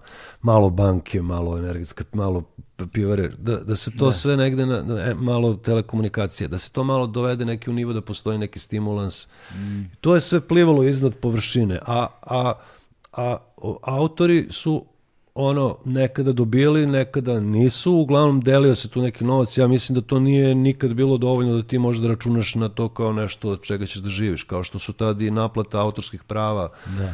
bila onako dosta skromna, bar za ovaj milje ljudi s kojima smo mi sarađivali, u, u, ja sam, mislim, i s ovom starijom generacijom dosta kontakta imao i radili smo i sa Giletom i sa Rambom i sa, sa Vladom Divljanom i tako da, pa bi dobili po neku informaciju koliko se naplati mm -hmm. od autorskih prava u Hrvatskoj, koliko ovde i to su bile neke onako prešne ono disproporcije u, u korist onih tamo. Ali to se umeđu vremenu valjda dovodi u neki Pa ne, da, ali samo hoću da kažem, znači onda ide komunikacija sa bendovima oko snimanja, oko, ne znam, postprodukcije miksa, oko autorskih prava, oko ovoga i onoga, pa onda oko izdanja, pa onda komunikacija sa tada putujućim trgovcima, distribucijom, izlozima, prodajom, podacima prodaje, znaš, kao sad, a s druge strane si i ovamo urednik i ovamo DJ i znaš, koliko vremena tvog života to uzima. Pa ode život. Ode život. a, onda, a onda na sve to dodamo da si postoji... Da, sediš pro... kući, slušaš muziku do četiri ujutru kao ono malo uman, da. da. A onda na to dodamo i postaješ kao promoter evenata i počneš da organizuješ... Dobro, to je levom rukom. Šalim se. Samo ti treba para, ne, tvojih ili nečih, da investiraš. Ma šalim se, ne to je neka prirodna. Otko znam, sad ti ovako pričaš ispadno da smo mi nešto se ubili. Sam se ubio od posla, ovaj, ne znam, možda i jesam, ej, to ne izgleda baš tako, ono, meni čak ponekad imam taj, ono, guilt trip, da kao... Nisi uradio dovoljno, šta? Nisam ustao dovoljno rano. Ali vidiš, zanimljivo to, to može karakterna osobina, opet se svodi na to da li radiš ono što zapravo voliš na neki način. Jeste, zato što ono, znaš, ponekad kad ti se desi ja imam, to jeste jedan naporan posao. Ti sad kad ga izdavaštvo, sad samo taj segment, to je posljednja tema kojom su se bavili. I, jeste da podrazumeva kontakt sa onom mnoštvom ljudi gde ti sad ideš u neku vrstu odnosa koja ono treba bude jako nijansirana jer su pipave stvari u pitanju. Znaš, nečije autorstvo, nečije, nečije ispoljavanje ono prema javnosti u tvojim rukama. Znaš, to je delikatno. I mora postoji dobra komunikacija ili da postoji neki, neki default koji onako dosta neumoljiv, kao što u industriji postoji. On. Mm. Znaš, postoji neki set pravila, algoritmi. I sad poneko nekad ispadne iz toga, ali onda ispadne iz voza. Da. Ali kod nas je to bilo onako dosta, da tako kažem, levičarski ovaj, podešeno bez nekih naročitih ambicija, jer nam nije bila primarna delatnost, niti to bilo moje lično, pa da se ja ložim da postanem ono, mi, ono milioner da. kao izdavač, publisher, šta god. Tako da je to bilo neka vrsta servisa interakcije i, i ne znam šta da kažem. Puno vremena, puno energije, ali kad pogledaš unazad da sad ne navodimo razne te neke projekte i albume i šta već se tu dešavalo od pop muzika, mm. Eve Brown, ono raznih tih ovaj, albuma Darku Daba, Elektropionira, Život počinje u 30. gde smo njima nekako onako malo zajednički dizali pokušavali da dignemo taj nivo u prezentaciju, spotovima, u svemu i da bi to kasnije rezultiralo nekim ovaj, njihovim spektakularnim posjećenim koncertima i, i, i tako za razne ove druge, da neki ovi bendovi koji su realno bili ono underground scena tipa Jarbol ili Veliki prezir, bez obzira na finoću i, i neku u, autentičnost tih pesama koji dan danas ono zvuče vrlo moćno, naš neki ti Arboli iz 90-ih recimo, naš da dobiju malo više svetla, malo više prezentacije, malo više ovaj, i, i e, jav, javnosti, znaš, pažnje javnosti. I onda je bila tamo u onoj nekoj tranziciji 99. 2000. se desila desilo se dva, dva ciklusa turneja po Srbiji, nije ljudski čutati. Mi smo dobili neki budžet kao, kao kuća, da kao se obraćamo jeli, mladima sa tom idejom nekom da oni treba da učestvuju u političkom životu. Znaš. Da. Nije to sad bila neka, to i na crcu, neka ne? agresivna ova politička kampanja, mislim da se zvala Nije ljudski čutati. Da, da, da. I, I sad dva kraka turneje po Srbiji po 20-30 dana. Haos. I sada u tom prvom su uh, kao nošći bendovi bili Sunshine, Darko i Kanda Kođi Nebojša. I onda bi u tim nekim, Ambrozić je to vodio i Zlatko, on je da. umeđu vremenu došao na, na, na 52 i Dragan Ambrozić. Oni organizovali turneju. To je bio ono turbas, ono klasičan taj neki kao fazon, naš, sa tri benda, anturažom ovim koji to tehnički realizuje, par nekih tu dižđokeja ili ljudi iz posla koji su tu support na nekim delovima turneje i to je bilo fascinantno iskustvo. Ti kad iz tog nekog babla koji smo tada živeli ovde i medijskog i gradskog i, i kao našeg jeli, slavnog klabinga 90-ih, da. znaš, kad dođeš u od Bora do Čačka, od naš Pirota do no, Subotice. Mislim, fascinantno, znaš. I kao ovaj, onda ta neka uh, percepcija neke lokalne publike u odnosu na te bendove koji sami sebe možda arogantno kao mladi ono potencijalno veliki doživljavaju kao kao, kao neviđene ono, likove, znaš, i onda tu sad imaš neki kontakt s publikom koja te vidi prvi put i koja nema nikakve ni predrasude, a ni, mm. ni ne znam šta, znači očekivanja su ono vrlo linearna, kao poka, izvoli, pokaži se, znaš. Jako, jako zanimljivo iskustvo. I mnogo smo tad naučili svi od, od Sanšina. Mislim, i to je bila ekipa, svi smo se onako znali iz grada, da, da. iz, ali oni su tad bili ono, dva nivoa iznad po, po, po nekoj i popularnosti i ovaj po njihovom veštini, mislim i po tom nekom snazi njihovog nastupa. Da, njihov, njihov stage ta... presence, što bi rekli. Da, bilo fas, fascinantno, znaš. Da, tu je Bane, no, tu, tu je Bane zapravo pa, dobro, svi, svi ali. i Bogi, i Ramirez, i kao, znaš, Staća, da. i... Tako, i, i Andrej, i Kojot je svirao gitaru sve vremeno tamo. Da, Kojot da. je bio s njima, tako da. je. Ali je stvar u tome što ovaj, a, ti, te turneje, i to je nešto što me, ne znam sa kime sam razgovarao o tome, nekim muzičarima, pričali smo kako nam nedostaje taj period kada su bendovi imali turneje po Srbiji. Znaš, kad se skupi nekoliko bendova, izađe ono plakat sa 20 gradova i bukvalno ideš turneju po Srbiji, jer taj period kada su se te turneje dešavale, ovaj, dešavalo se naravno i da bendovi sviraju u mestima na kojima pre njih ko zna kad je neko bio. To je bilo ovo, i, da. da. I posle njih ko zna da li iko došao. Ovaj, I da ukoliko postoji klinci u tom mestu, oni ukoliko su želeli nešto da čuju, morali su da odu iz svog mesta na neko drugo da bi, da bi čuli koncert.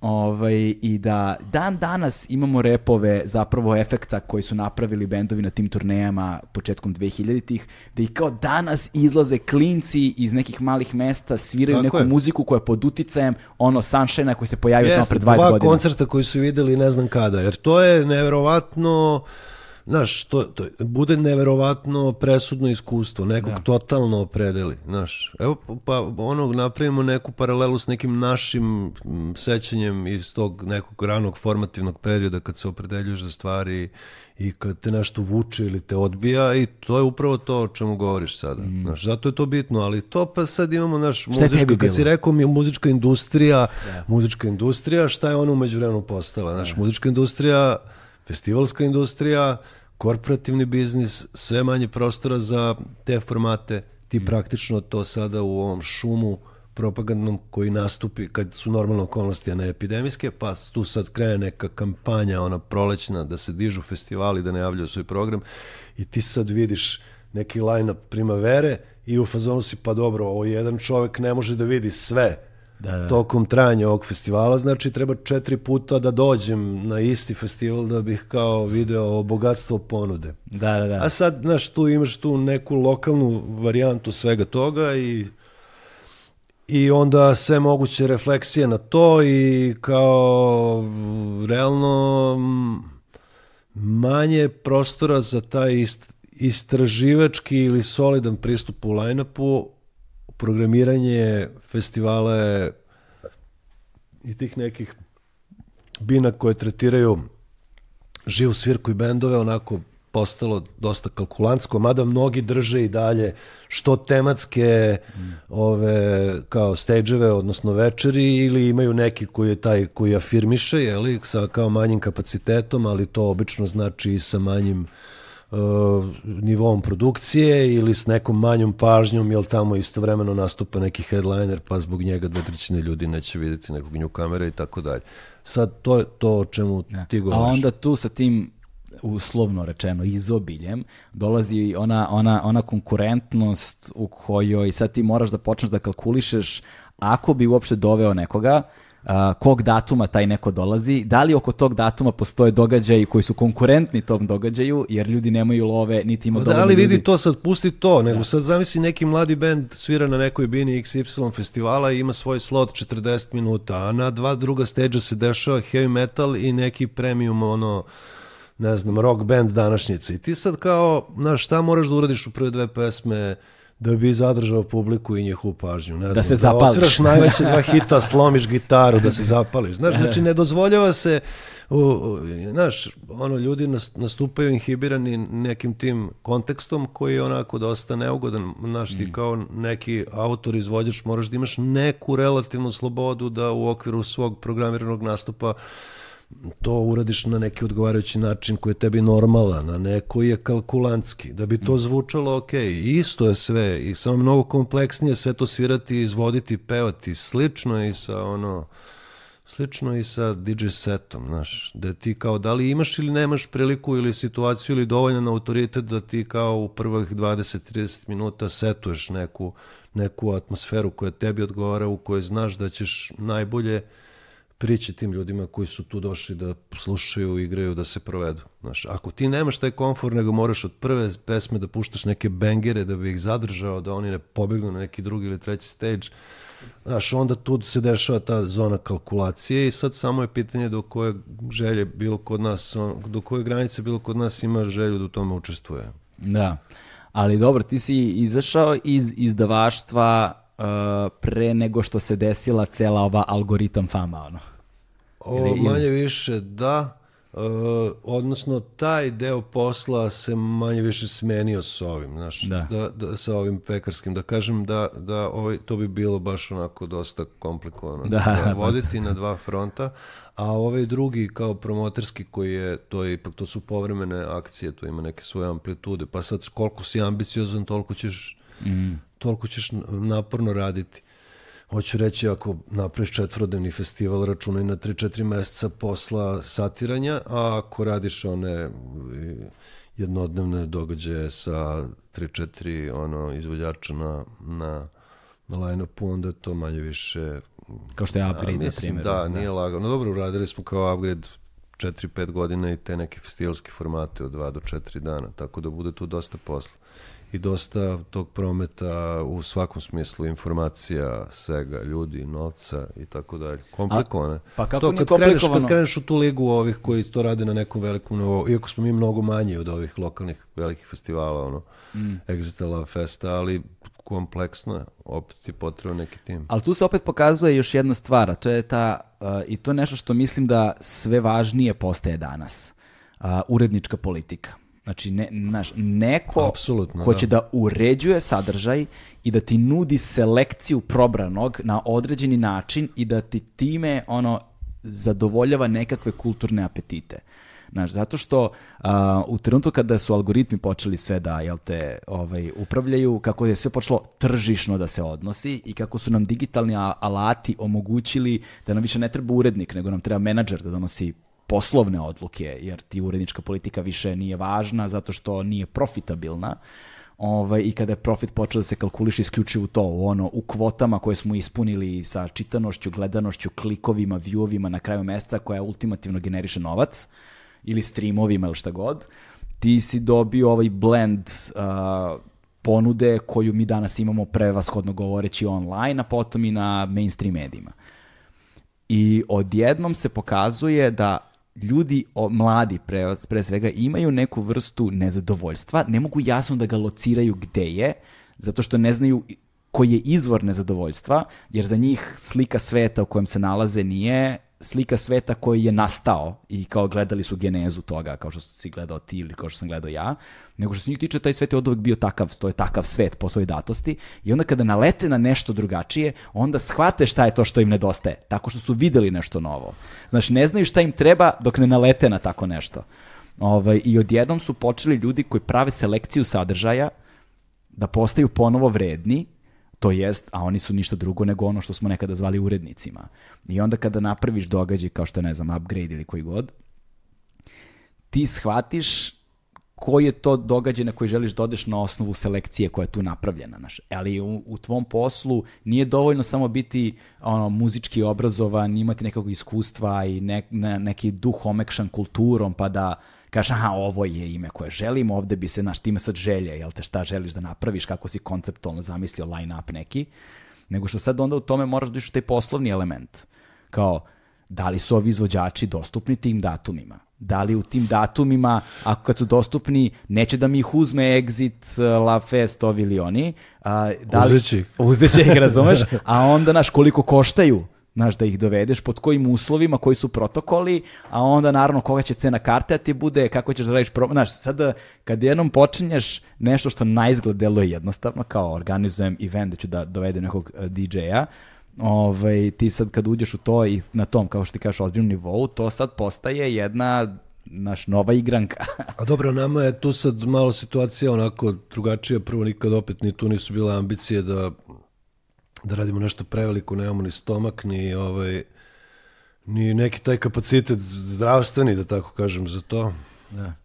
Ovaj, ti veliki festivali na otvorenom su stvarno neki, ono, ozbiljan skok u bunar, ono, figurativno rečeno, naš veliki neki rizik da stvari ponekad izmaknu kontrole, znaš.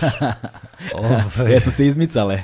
pa ne, mi smo imali ogromno iskustvo, govorim sa ovima koji su, mislim, Gordon i ja, koji smo to nastavili da radimo kroz ovaj, mi smo 90-ih krenuli da ovodimo strane goste, malo to da prošaramo i znaš kako je to 90-ih funkcionisalo, to su stvarno bili prvo direktno ugovaranje uglavnom ono faksovi, ceo fazon, znaš. ovaj, a i neke simbolične cifre, ono, znaš, Ne bih sad da pravim neke jasne, ove jasne. analogije, ali znaš, to je tipa, Drugo je vreme ali, avionska karta pa plus recimo još jedna avionska karta. Znaš, da, da, to je da. taj nivo bio honorara neka 90-ih. Za koji su ovaj neka ono viđenija strana imena ili koji su bar ovde figurisali na našoj sceni bili voljni da dođu u Beograd malo da osete energiju i da nas malo ovaj, provozaju prosvetle šta god. Ovaj, I, i ta, mislim, sad danas je naravno to sve neki potpuno drugi nivo, industrijski, jako puno novca i sad hoćeš, nećeš u tome da učestvuješ. Mene malo ova pauza, iskreno da budem onako, ostaje taj neki znak pitanja da li želimo ili ne i na koji način dalje u, u toj, toj priči da učestvujemo, upravo zato što ta neka mala distanca, jer smo posljednje partiji uradili recimo početkom 2000-te, pre tipa skoro dve godine, 2020. Riči Hotinom u Dragstoru, znaš. I onda je posle bio, ovaj, došao mart posle 7 dana i, ovaj, i kao korona i tu je realno bio ono kraj sad niko iz ove naše ekipe nema neki imperativ da se tim bavi, jer mu je to jedina egzistencija, to su, mislim da pomenemo, ono, i razni drugi ljudi koje znaš iz grada, s kojima si radio, tipa Lazara, Sagor, da, da, da. Vlada Marko, ima tu naš 6, 7, 8 koji se okupe i rade kad je takav neki posao u pitanju Naš, svi imaju neka druga svoje posla i naš nije nužno da se tu nešto kuprcamo, radimo i ulazimo u kadar pre svega ovim klubovima za koje sam recimo ja lično mislio da bi bilo dobro da imaju neki deo bar sezone u kome mogu pristojno da rade i da prežive. Mm -hmm. Mislim na ove neke beogradske klubove, institucije, što god to bilo. Ove, I da kao nakon toga vidimo šta ćemo dalje. Ali, znaš, postoji taj jedan imperativ i tržište i industrije da ti nešto tu angažuješ ta velika popularna DJ imena, ne bi ja sad da mi previše vremena trošimo, pričamo na to, naravno da tu postoji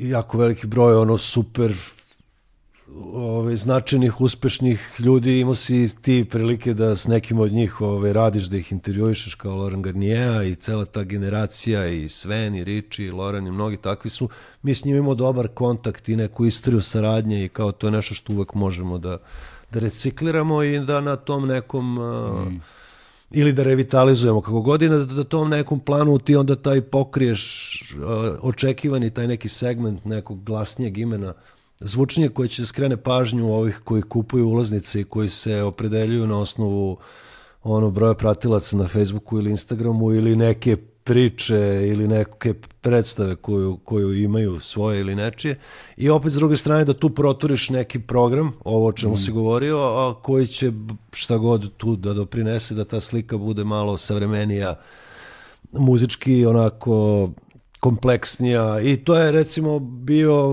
uglavnom i pokušaj s nekim tim našim programiranjem. Znaš, da. da bude i Helena Hauf i neki novi lik Roš i ovaj on, ali i Tail Us i Mod Selector, ali i ne znam Mod Selector. Vril i Amelie Lens, ali da, da, ne znam ko. Eto to, tako napraviš neki balans gde će par njih da vuče uh, ovaj, veliko interesovanje, da bi dalje imao taj što se kaže promet, znaš, jer kad god radiš neki muzički događaj, tu je taj neki start, da to uopšte izađe bilo gde iznad ono ogromnog gubitka, mm. ta, ta, ta je granica dosta visoka.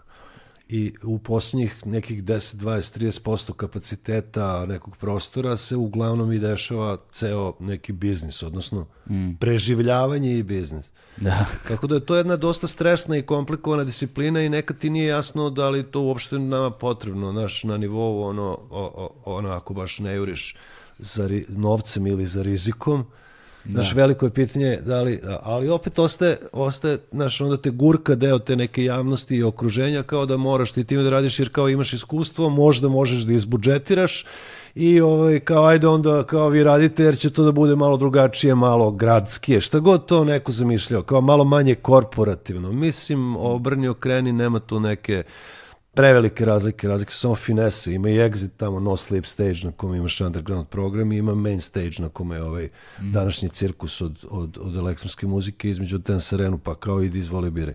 Da. Znaš, mi smo jednom ili dva put radili taj neki drugi stage, pa onda, znaš, češeš se, razmišljaš kako ćeš to da isprogramiraš tako da, ne znam, fjak na ovom drugom stage ne ugroze ovog na ovom prvom, nego da se razmeste ti neki slotovi kad ko napušta, da ljudi kao mogu bezbedno da idu s jednog na drugi, bla, bla, bla. Da. Ja bi to vratio u ovaj stari princip, ono, da.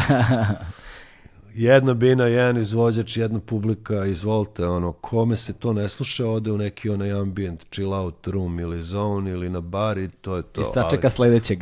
pa, tako je, tako je, tamo malo odmoriš. Da, da, jeste, malo i sonično. Da, da, da. da, da. da ne budeš sta... se, pripremiš se za sledećeg. Ne budeš stalno crveno. Pazi, za nekoga ko nema nikakve ambicije, puno ste toga postigli, znaš.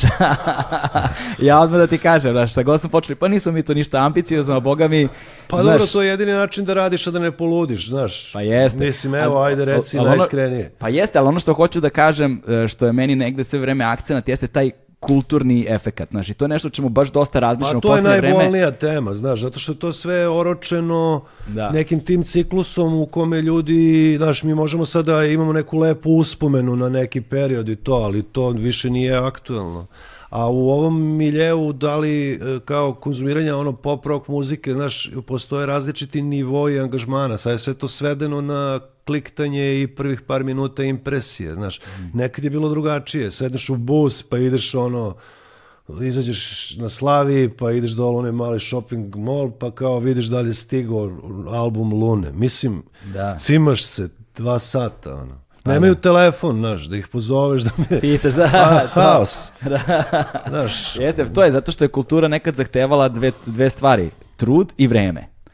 I onda ono u što si uložio trud i ono u što si uložio vreme ostaje spaljeno I sad, znaš, sad je pitanje da li mi sad hoćemo se bavimo uspomenama ili postoji taj neki kontinuitet, nebitno da li je moj, tvoj, bilo čiji, da. kao naš nuđenja tih nekih malo da kompleksnih, finih, promišljenih, ovakvih, onakvih sadržaja u odnosu na nešto što je mainstream, koji nije nužno loš, ali uvek je dobro da postoje Upravo alternative, to. jel da? da? Upravo I to. to je u stvari to. Tu je jedina, jedini test svega ovoga čemu mi pričamo da li se mi držimo nekog standarda, da li mi hoćemo da ovo bude po svaku cenu to i ne zanima nas da bude kompromis. Mm. Ili isto je to i sa muzikom ili bilo čim i to je generalni drive u životu. Znaš, kao ajde da istremo na nekom standardu. Pa možda smo ponekad malo ono ovaj, trapavi ili, ili ovo, ali znaš, bitno je da kao kompromis, ako praviš, praviš ga s nekim razlogom, a ne praviš ga oko, oko ono esencijalnih stvari koje te, principa koji te vode kroz život, znaš. To pa je, baš zato, to. zato, zato, zato i pominjem sve ovo, zato jer ir, ironija li, sadržaj je danas dostupniji nego ikada pre. Znaš, danas, danas je mnogo lakše a, onog trenutka kad saznaš za nešto, doći do toga nečega. Absolutno. Ali treba saznati za nešto. Mnogo je teže saznati. Mi imamo sada pregršt sadržaja, ali koji je zatrpan da protični izradu tonom govana.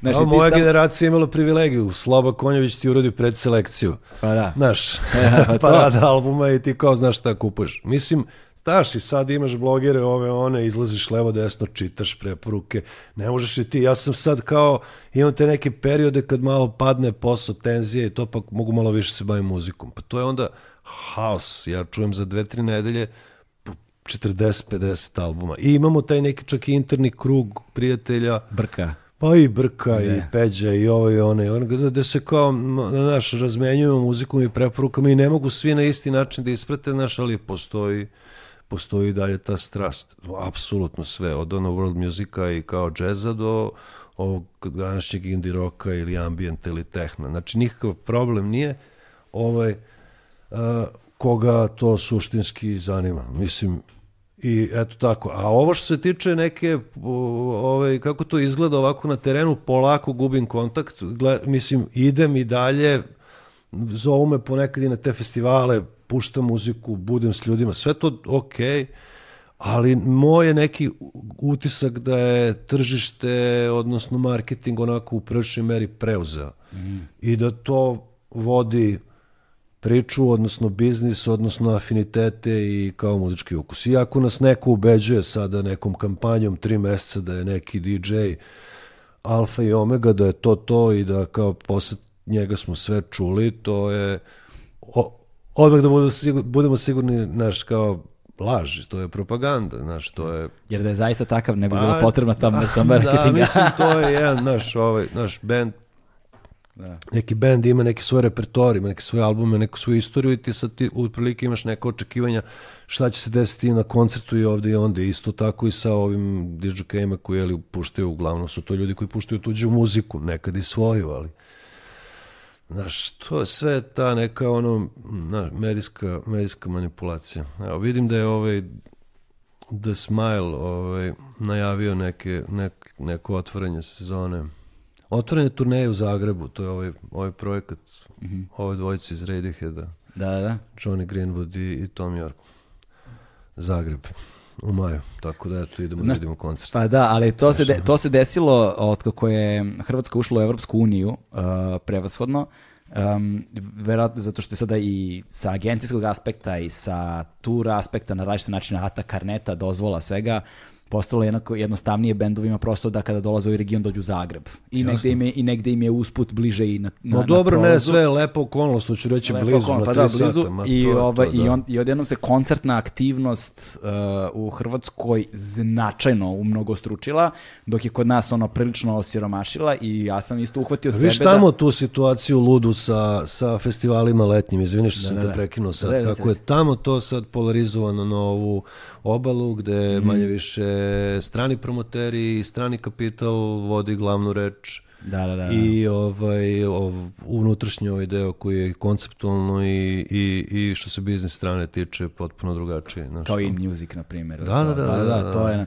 I sada ja sam uhvatio sebe do posljednjih ne znam koliko koncerata koje sam želeo da gledam, sam išao u Zagreb da ih slušam. Eto. To, znaš, zato što prosto ono, ne znam, od, uh, ono, od Downa, Klača, Dillinger, Escape Plan, dobro, sad su to sve neki metalci, do ne znam šta je sve bilo, bukvalno Death Grips, on, nemam pojma, znaš, kao si u fazonu, čoveče, je moguće da se ove stvari dešavaju, znaš, da ništa ne dolazi u Beograd, ali, znaš, to nam je trenutna sudbina takva i baš zato što nam je trenutna sudbina takva i baš zbog toga što postoji to zagušenje tim, ono, tržišnim aspektima kulture, ovaj, kultura ne dolazi do ljudi. Ne, izgubili su, čini mi se negde da smo malo izgubili taj diverzitet, da se zaista taj diverzitet i dalje oslanja na ono šaku pravih entuzijasta, znaš, kojih je opet nekako zbog tog tržišnog pritiska sve manje, znaš, i baš mi nedostaje, ja se strašno obradujem kad vidim, ima tih ono ludaka entuzijasta, znamo ih sve, razumeš, koji mi i dalje svake nedelje šalju na mail kao newsletter svoje mikseve, razumeš, selekcije muzike da. koje su pravili, ono, od Lončeta, Kepe, Anđelića, svi znaš, svi, dalje radi, svi to, to je strava, to je super. I, znaš, a, sad, a što sam stariji, sve mi je jasnije, sve više cenim, zato što ja sve manje vremena imam da istražujem muziku. Znaš, ja više nemam, zaista nemam tu vrstu, ono, entuzijazma i strpljenja da sednem i sad 3 pa to dođe, dana... dođe i ode, ali ono, kad ti se, ako te vozi, da. loži, to kad imaš vreme, onda zaroneš i to je to. Samo treba imati neki bi trebao biti surov, nema puno vremena, onda selekcija, ono, znaš, opet imamo to, da li se stavio neki ovaj, attention grabber za prvu, drugu pesmu, da li će to da krene nekim da, da. svojim tokom. Šalim se, ali mora brzo, da, mora to se... Posebno da se... ova neka muzika, recimo, koju slušam u posljednje vreme, zahteva da je slušaš, znaš, kao jebi ga pesma 15 minuta, znaš, ne mogu baš da je skipujem nakon 3 sekunde, ono, Tako je. znaš. A, ali ova, ali je ti se desilo nekad uh, da, da ono radiš set i onda mora trčiš u pekaru. a ne, ima jedna interesantna epizoda, ovaj, a to i tad se i dalje radilo i noću i ovaj, ja sam imao neki, to su rani dani kao sam početak Šarla i možda i jedan ili dvojic, mislim tri, četiri čoveka rade tu, jedan vozi, jedan prodaje, jedan mesi, ima nekog asistenta i jedne večeri sam pomagao pekaru i proveo sam recimo sigurno 4-5 sati u pekari i imao sam DJ set u, u KC gradu ovaj drugi drugi slot, recimo to je od 2 do 4 ili 5 u, u, njihovom onom radnom vremenu. I radim, radim, radim, znaš, već ti onako pada glava tamo u pekari, to dok, kad nema ove atmosfere noćnog kluba, onda te i vozi neki ovaj prirodni, jeli, bioritam, ne, umorio si se ali u tamo pretežniku je kej sa pločama, ceo fazon i u jednom momentu ja se odjavljujem od ekipe, tamo se malo umorim, umijem, preobučem, krenujem u kad se grad, parkiram, dođem onako kao iznuren, a mislim, posle 10 minuta si onako na oblaku, a u stvari samo, naš cigareta, kisela voda, kao i muzika, i kao onda zaključak u pet ujutru, kao koliko je ovo, koliko je stvari lako. kao, koliko je opuštanje muzike u stvari, naš, stvarno smešno, kao hoćete još tri sata sad da puštam, nema nikakvih problema. a, ja sam, a ja sam očekivao pa, kao stolazim tamo, otvaram, otvaram nisam, gepek nisam, i ono gajba kao hleba umesto ploča. Dešavalo mi se nekad to da kao tu moram da povežem ono putanje, pa kao, znaš, da su tu ploče ili ovo, ono, nije, niti je moj taj neki angažman na nekom ne znam kakvom nivou. Ili kao pa ja sam tu negde manje brašnom. više i ono, 2008. 9. i malo ono, u, u, u toj nekoj situaciji gde već sad kao imam i porodicu i ta deca traže želnu neku pažnju i vreme, malo prestoji da putujem, ja što se ložim na te, mm. na takaj traveling DJ kao fazom, kao je, išao sam ovde, onda kao polako. Znaš, Sad bi bilo dobro neka pa rezidentura. Nije, nije, ma ni to, nego onako. Uvek je bilo dovoljno da možeš da... A mislim, u stvari jedina normalna tekovina svega ovoga o čemu pričamo, ja. da budemo sasvim iskreni, je naš to tih nekoliko adresa u Beogradu koje ono neguju te neke principe na svoj opet neki poseban način od malo čas spomenuto KC grada, Broda, 244, Šilja, Drakstor i tako dalje i tako dalje. Ima tu još par nekih mesta koje na ovaj onaj način ovaj, tretiraju ovaj, to što mi radimo, da li ovaj, klubsku muziku, da li bendove, da li sve skupa i onda to, to je to, taj neki milje zbog kojih sve to i gde se na kraju krajeva osjećaš osjećaš konforno kad si, ja sam i tamo redko, ali kad se desi, znaš, ti znaš da ideš među prijatelje, ti znaš da, da. ideš kod, kod neke publike da možeš da, da radiš baš ono što smo malo prepomenuli, da daš sebi neki komfor, da eksperimentišeš pola sata, 45 minuta, sat, da puštaš ono... To jeste ta tačka identifikovanja u kojoj to, to, to, to, to zaista čovjek osjeti posle određenog vremena boravka u jednom tom, naš, nekoj, nekoj sferi, kulturnoj ili šta god, odjedno shvatiš da možeš da ideš negde, ne moraš da ideš ni sa kim, ne moraš da se dogovaraš ni sa kim i ne moraš baš mnogo da proveravaš kakav će muzički izbor te večeri tu da bude. Yes. Prosto do, dođeš, kod kuće si, među svojima si i šta god da se pušta, dobro je. Znaš, tako da ovaj, nekako toga je sve manje ili ja sve manje Ili izlazim. kad radiš takvu neku situaciju, ovamo, znaš što, evo ovamo ovaj, uh, Seth Roxler pušta neki mm. taj kao Banging Detroit, što god i hiljadu i po ljudi luduje, a u kao maloj, maloj prostoriji Bane ili Gordon puštaju neki ambijent i ono, neke recitacije Alana Ginsberga ili šta god. Mislim, to je taj fazon, razumeš? To je ta širina ponude u stvari koja je potrebna da bi stvari bile prirodne.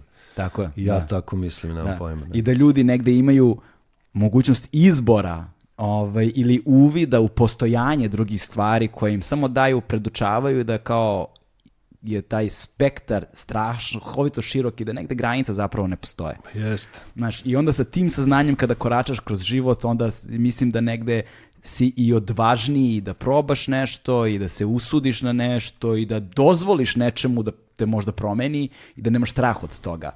Meni je to mnogo pomoglo, meni je muzika u tom kontekstu to značila i kao danas sam u velikoj meri ono što jesam baš zbog tih iskustava. Naš... Ali možemo da napravimo jednu malu paralelu s ovim na početkom razgovora kad si rekao da si fasciniran restoranima koji u meniju imaju svega nekoliko jela, a to je uglavnom taj neki princip da se trude da budu autentični i da, da, da. se da to što rade rade dobro. Naš ne možeš da radiš 55 stvari da sve budu dobre. Tako Mislim, mogu da budu okej. Okay ali ne mogu da budu baš kao vrhunski. I to je onda ili sezonsko ili ne znam šta. Tako i u ovome, znaš, ne možemo 50 stvari odjednom raditi, možemo dve ili tri. Kako se kad desi, znaš, ja u nekom spektru interesovanja ili mogućnosti. Mislim da ne idem sad previše u teoretsku raspravu, ali suština je bila da kao ti to posle velikog tog nekog životnog iskustva, ali i ne kad dođeš na neko mesto da provedeš vreme, da li kao iz DJ, da li kao pesnik, da li kao ono tip za šankom koji ono pije piće. Znaš, treba, osjetiš ti to posle nekog vremena, to je opet, kao, kao i sve o čemu smo govorili, taj neki subjektivni osjećaj udobnosti u situaciji ili, ili u sobstvenoj koži, to. to se pokaže vrlo brzo uvek. E, ovaj, hvala ti puno na, na, na vremenu, hvala ti puno na razgovoru Kad ste u Beogradu, posjetite Šarlo ovaj, na Dorčolu, ako ste iz Beograda, posjetite Šarlo odmah ovaj, i nadam se da nećeš uskoro dići ruke ovaj, od svih drugih stvari koje radiš ili barem dok ne nađeš ljude koji će moći lepo preda štafetu. Pa dobro, da, to Znaš, je, to da, je bio plan sad, da, da, da, se, da, da, da se kontinuitet ne prekine. Mislim da kontinuitet jer imali su problema sa prekidanjem kontinuiteta u ovoj zemlji, pa, prilično, znaš, a posebno u kulturi. Tako da, a, zaista se nadam da to neće da se desi jer je vrednost toga mnogo veća od onoga kako ga ti posmatraš, bez obzira što nemaš ambicije, ali, ovaj, ali pa zaista... Dobro, ono, vozimo se, to je više taj neki proces nego kao neki cilj, znaš, da. kao to je da bude uzbudljivo sve vreme, da, da, Boga mi jeste. da se bavimo, da, Boga to je ideja. Boga to, mi jeste. Boga mi jeste. Kako je meni uh, Slavimir uh, Futro, jel te, rekao, kaže, radi ono što ti je lako, dok ne postane teško a onda nastavi da ga radiš dok opet ne bude lako. Slavki legenda. Tako da to je zaista, ima velike istine u tome što rekao. Hvala Tako ti puno ne, još jednom. Hvala tebi, Galibe. I to je to, stigli smo do kraja. Ćao. Pozdrav svima.